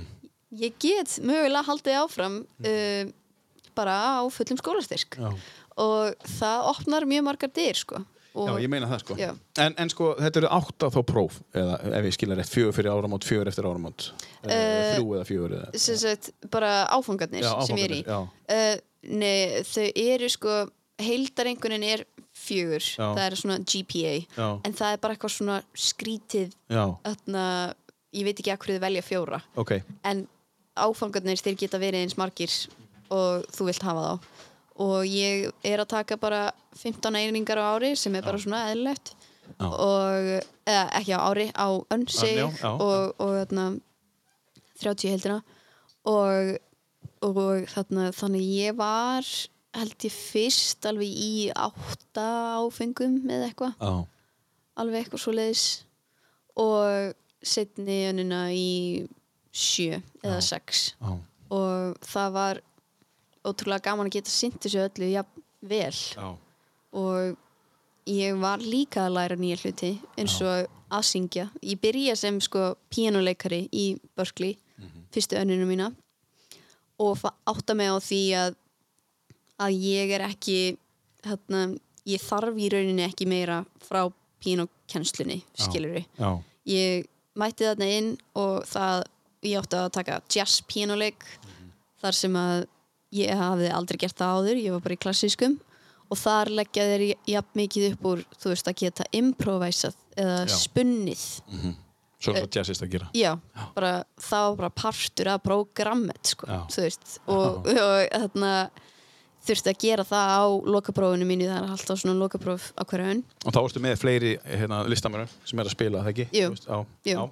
þannig að ég var að spila lag eftir Michael Jackson á píanóið já, já og ég fekk að syngja í því leng- reyndar líka þótt að ég var ekki í söngnámi Hvaða lag var það? uh, það heitir oh my god, Já, já, allt í lagi ég er búin að gleyma því Mm, I can't help it Já. I can't help it Can't help it Já, if I wanted já, to einmitt Já. já, þannig að þetta, þetta lag spilaði ég og s- gerði svo svona spuna yfir svona solo sem var mjög áhugavert og mjög gaman að geta gerst en ég vissi að ég yrði ekki þannig tónlistamöður Nei, og ég vildi meira einbytta mér að söngnum sem er svolítið áhugavert af því ég hef í rauninni aldrei farið í almennlegt söngnum nei, bara í píanunum já, ég tók svona nokkra viku námskeið hjá í söngskóla Maríu eh, já, uh, þegar ég var 10 ára já 12 ára Já, og that's it sko og svo ertu bara komin í söngnám í Berkeley Já, svo komst ég inn í söngnám í Berkeley,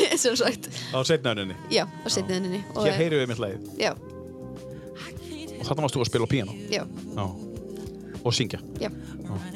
Og svo líka spila laglínuna setna. Þú veist, ég var að gera allt. Þetta er prófið þitt. eh, Já. Sest, já. Um, síðan uh, já, ertu farin að gera þetta á, á nýju ári mm. sagt, um, á þessu ári um, fórseta einhvern uh, er, er, er margir sem að hafa farið þessa leið og fengið þessa einhvern eða er þetta einn á ári eða er þetta sjaldnar Þetta er, þetta er alveg nokkuð margir myndi Já. ég segja Já. Mhm. Þú veist, við vorum alveg fimm í Valencia sem komist inn á þennan lista um, en svo voru nemar þarna, þú veist, þannig að ég var eitthvað svona ég eru allir að komast inn á þetta, hvernig, Já. hvernig er það Já. en uh, svo voru alveg nemendur á þriðja ári og eitthvað sem að voru þarna líka í Valencia sem voru í svona skiptinámi þau voru bara hvernig hvernig í anskotan náru þessu já, já, einmitt, þannig ég, var, þannig ég var alveg svona, wow, ok, Ok, þetta er alveg eitthvað þetta er alveg eitthvað sko Ertu stolt af þessu? Eða Já. þú sagði þetta skipti mig ekkert sérstaklega miklu máli sagði hann Já. Ertu, ég er stolt af þessu já, og, en ég, ég er rosa stolt af þessu, auðvitað já, en uh, mér fannst svo fyndið sko, það, s- ég, mér fannst ég ekki breytum titil nei, fyrir þetta nei og það var svo fyndið þegar þú veist ég deildi þessu eða eitthvað þá bara sprakk Instagramið mitt Já, og einmitt sprakk allt Já, og ég eitthvað svona, vá, ok já, þú veist, Mhm. nú er ég að fá einhverja viðurkenningu sem að fólk getur svona grepið Mhm. og verið svona, vá, hún er góð já, sem fólk getur gripið Já. Ekki þú ekki, ekki ég, Nei. að ég veit hvað ég er góð skilurðu. Akkurat en fólk svona kannski leita á mig aðeins öðru í sig Já bara fyrir þetta og ég er bara svona, já, alveg ekki að það ná Þú vissir að þú var svona góð já, ég vissi það já, einmitt þetta, kom, þetta var óvandur glaðningur Já, en já. Mhm. ég var ekki að taka, þú veist andköfin alveg Mm. Nei, nei, einmitt að því að, En er hægt að hreyfa við þér þannig? Þú veist Já. það- Það er hægt að gera það já, já, já, já, Já. guð, ég er ennþá þann dag í dag, skilur ég bara ó, ég mætti vera betri í þessu og þessu og þessu og Já, en er hægt að sko Uh, miðað við það sem þú áorkar er Já. hægt að segja, vá, þetta er ógstlega flott hjá þér eh, og þú fáir eitthvað svona, þetta var geggjað hjá mér eða eða ertu bara, já, já, ég- það er alveg Það hægt, sko. er hægt, og þú veist, sko. ég var alveg jú, jú, ég var alveg svona hei, vel gert hjá mér, þú veist, að Já. Mm. komast inn á fórstulistan þegar þetta kom fyrir, eða þú veist þegar þetta gerist, auðvitað Mhm. já, en ég var samt alveg líka svona þú veist ég, ég vissi að ég gætt gert þetta og ég ætla ekki að fara eitthvað að breyta mínu mínu eðli nei út af þessar einhvern En haukur, Já. hvernig, hvernig brást hann við? Þinn hægri handleggur já, minn hægri handleikur, hann var bara rosalega ánæður já, og bara rosa hérna, bara, hann vissi þetta náttúrulega líka, Já, hann segir já. þetta alltaf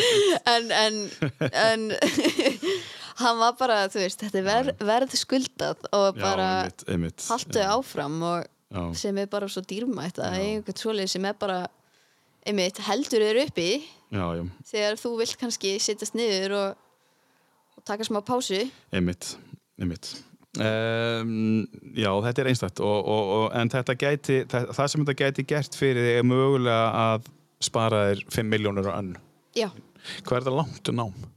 þetta eru þrjú til fjögur ár Já, og þú er búin með eitt ég er búið með eitt Já, þannig að Ég- það já. eru svona kannski þú veist, 40 miljónir já Sem þú sparaðir í Já. rauninni Já, já, já. Já, þá þrjá, já, já, þ- já, 30 og eitthvað miljónir sem Já, ég núna. spara mér Já.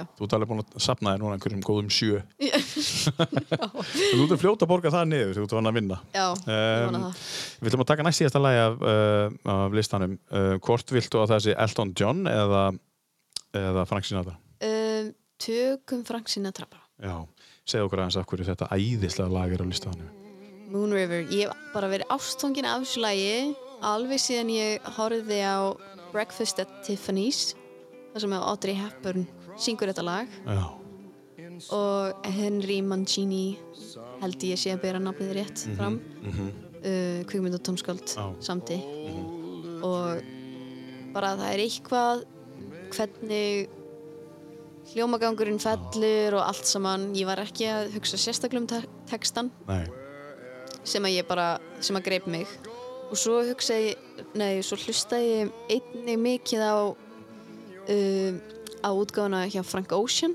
Já, af Moon River Já. sem var alveg æðisleg og ég sem sagt var með það lag og þá útgáfu á lokaprófinu mínu í söng já, já, já. þannig að ég kom með smá ógeða því já þe- þeirri beitingu. þeirri, þeirri, þeirri, Já. sem sagt, þeirri útgáfu Þeirri útgáfu, og já. svona Já, þannig ég vildi bara Old Hollywood Já. Frank Sinatra Já. bara að syngja þetta feel good. og já, Já. þetta, var, þetta er alveg indislegt svona sko Ertu upp á fjöllum núna, upp á höfða með Upp á- þetta lag? með Já. Þetta lag. Já. já, Bara r- rætur heim í Greinavík. Já. Já, þetta er mitt þetta er svona, já, mér finnst ég vera mjög mikið heima þegar ég Grunaði hlusta á þetta lag grunaði það. já, Heyrum smá brot úr þessu lagi, frábæra lagi. under me.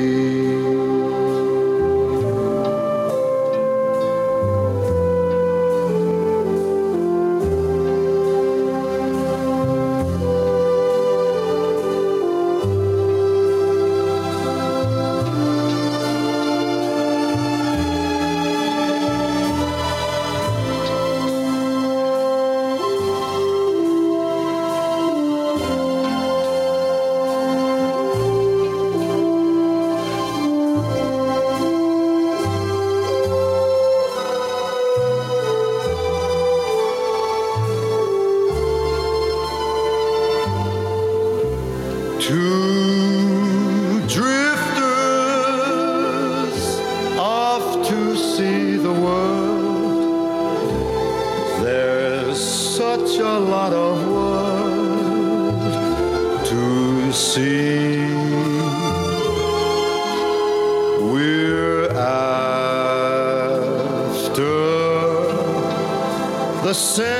Mónreifur um, lag sem að, uh, já, ég myndi segja allir þekkja. já. Þessi ekki, Ég einhver, held það. allir hafa heyrt. Það er engin núna sem bara, ég hef aldrei heyrt þetta, nema Nei. sem kannski uh, yngri en já. tvítur. Það- einmitt, fólk hefur svona tónlistastíli minn er kannski svona mjög þögt lög Mhm. en þau eru gömul Já, eldgömmul oft. já, þau eru mjög gömul Já. þannig að það er svona kannski ekki það eðlilegast í heimi að ég elski þau Nei. En, en þú ert með Billy Joel, hérna, þú ert með Frank Sinatra, þú Já. ert með, uh, uh, þú ert með Elton John já, uh, og þú ert með Norton Jones, Já. Mhm. Norton Jones. og hérna að því við gáum upp á Elton John og eftir að koma, það er bara spurning hvaða lag það verður hér á eftir. Já. Áttu þér eitthvað uppáhálslag á þessum lista? Eh, Áttu þér eitthvað uppáhálslag eða uppáhálsflytjanda?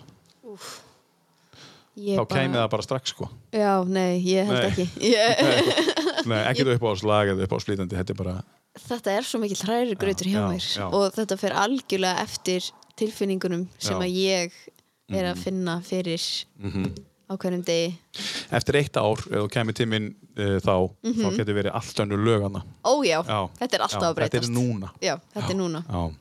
Herðu, eh, þú varst að tala um plötu um, sem að nú er, nú er júnimánuður 2022 Mhm. Já. fyrir þá sem eru kannski að hlusta 2023 eða 4 Já. eða 5 um, Þú ert að fara að gefa út plötu og, og þú ert búin að ákveða það Mhm. Já. að hún kemur út hún kemur út í eh, haust í haust, já hvenar? Eh, Sko, þú ert að fara í skóla, ætlar að gera þetta fyrir skóla eða með skóla eða hvernig ætlar að gera þetta? ég ætla að gera þetta fyrir skóla Já, og ég stefndi á að taka uh, plötuna alla upp í júli já og bara klára klára sér sett hljóðblöndin og allt svoleiðis Þú gerir það sjálf, um, ekki Nei. hljóðblöndin myndi ég segja ok en ég get tekið þau upp allt og Já. Mhm. ég syng og sem og, og spila skiluru en svo ætla ég að fá hann Guðjón sem er að vinna í hofi Mhm. með mér og hérna, taka upp önnur hljóðfari Já. og svona og svo er aldrei að vita en nema ég fái uh, vinn minn Haug Karlsson sem að- Haukur Sindri já, Já. já. emitt, Haugur Sindri Já. uh, sem,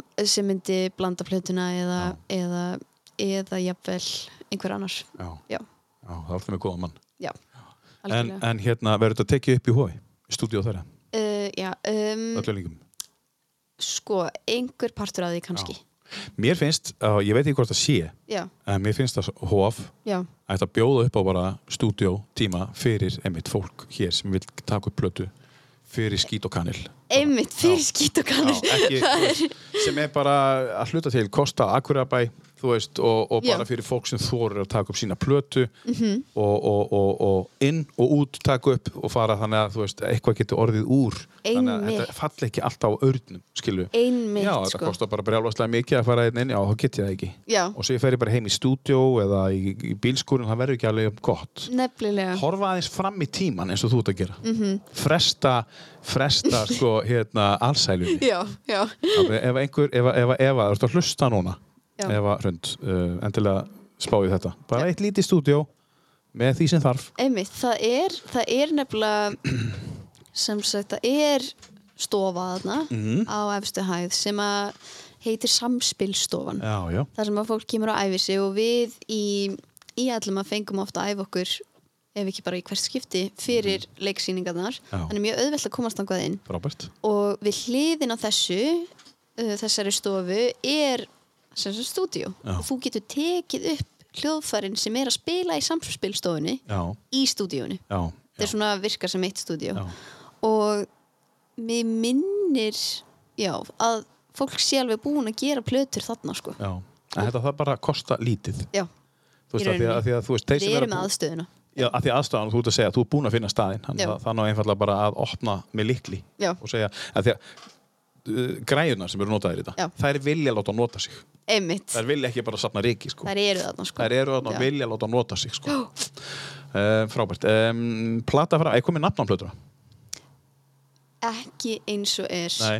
en ég er með nokkra titla í huga já Hvernig plata verður þetta? Verður þetta í Moon River uh, feelingur eða verður þetta Briett feelingur eða verður þetta eitthvað up-tempo eða íbland? Þetta verður, myndi ég segja blanda, þetta, ég kalli þetta sko jazz pop Já, já. en það er líka svolítið, fyndið með tónlist á Íslandi að allir eru popartistar Já, já. það er svo Bubbi er alltaf að fá Hann er- popartisti ársins Popartisti ársins Já, þú veist og, þarna, Einmitt. og það er mitt svona hvað er pop hér Já, Mhm. á já. Íslandi -hmm. en þetta kannski er svona nýri, nýri jazz, nýra pop ekki full on pop eins og það heyrir á FM 957 Mhm. en, og allt um, reynt acoustics Mhm. ég er lítið fyrir svona hljóðhönnun Já, og beats Mhm. þótt að ég elska góðan bassa og eitthvað svona Mhm. undirliggjandi, dr- undirliggjandi dróna Mhm. en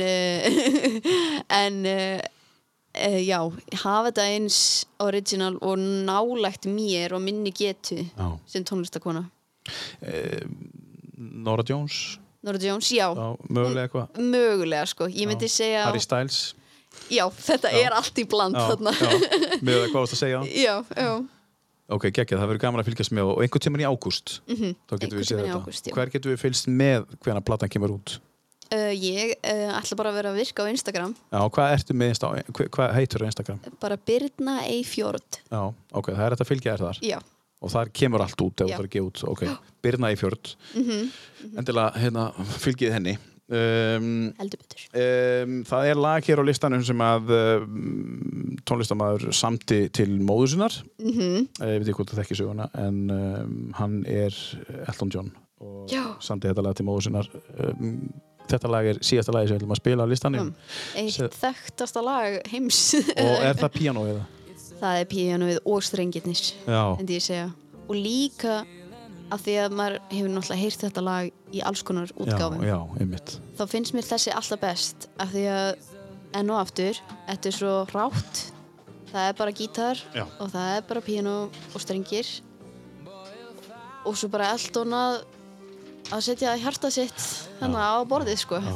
og opna opna bara mögulega ein, eitthvað af þessu sem við fáum að heyra mögulega á blötuninni, eitthvað svona svipað þessu já, klárlega strengir Þetta er minn stíl sko, já, ég já. ætla að fá hana sólrunu já, mína og, já. Mhm. og, og rún seljáleikari mm ég á eftir að heyri þeim nú þurfum við bara að fá Efu Hrönd Einarsdóttir til þess að opna stúdíu fyrir okkur í hofi Já. takk upp þar og fyrir alla hina sem vilja gera það um, Birna Eifjörn uh, Þorstensdóttir Já. takk fyrir að koma í tíu bestu Takk herrlega fyrir að fá mig já, og, og opinbera þig bara Já, basically takk Það já. voru rosalega, gangið rosalega vel í haust og vonandi farið allan styrkin já, takk, og ú- útgáfan mögulega kannski kemur á græna og syngur, með veit það ekki mögulega Mhm. Já. einhver staðar kem ég Já, alltaf það er bara frábært og, og gangið er vel eh, með allt þitt. Já, takk kærlega. Um, kæri hlustandi, takk fyrir að hlusta og við þökkum uh, kostendu fyrir Röp 23, Akureyri Apotek, uh, Vikings Tattoo og Akureyri og uh, akureyri.net fyrir samstarfi sömulegis uh, ölgerðinni sem að, sem að rettaði hér uh, sem rettaði hér kaffi fyrir okkur.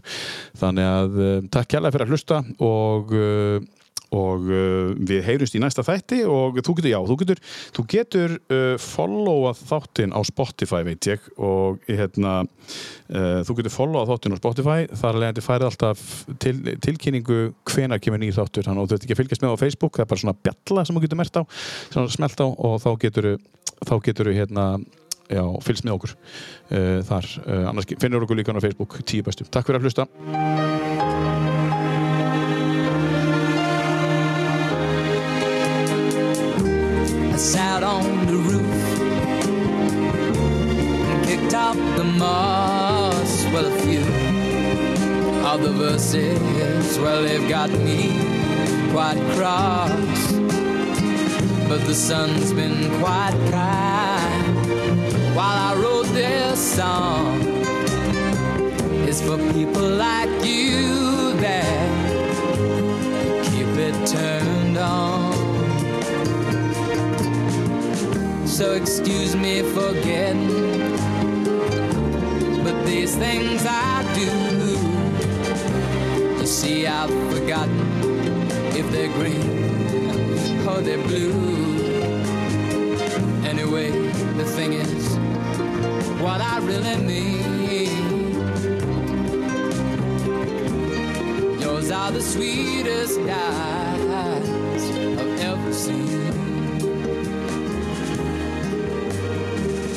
and you can tell everybody this is the song.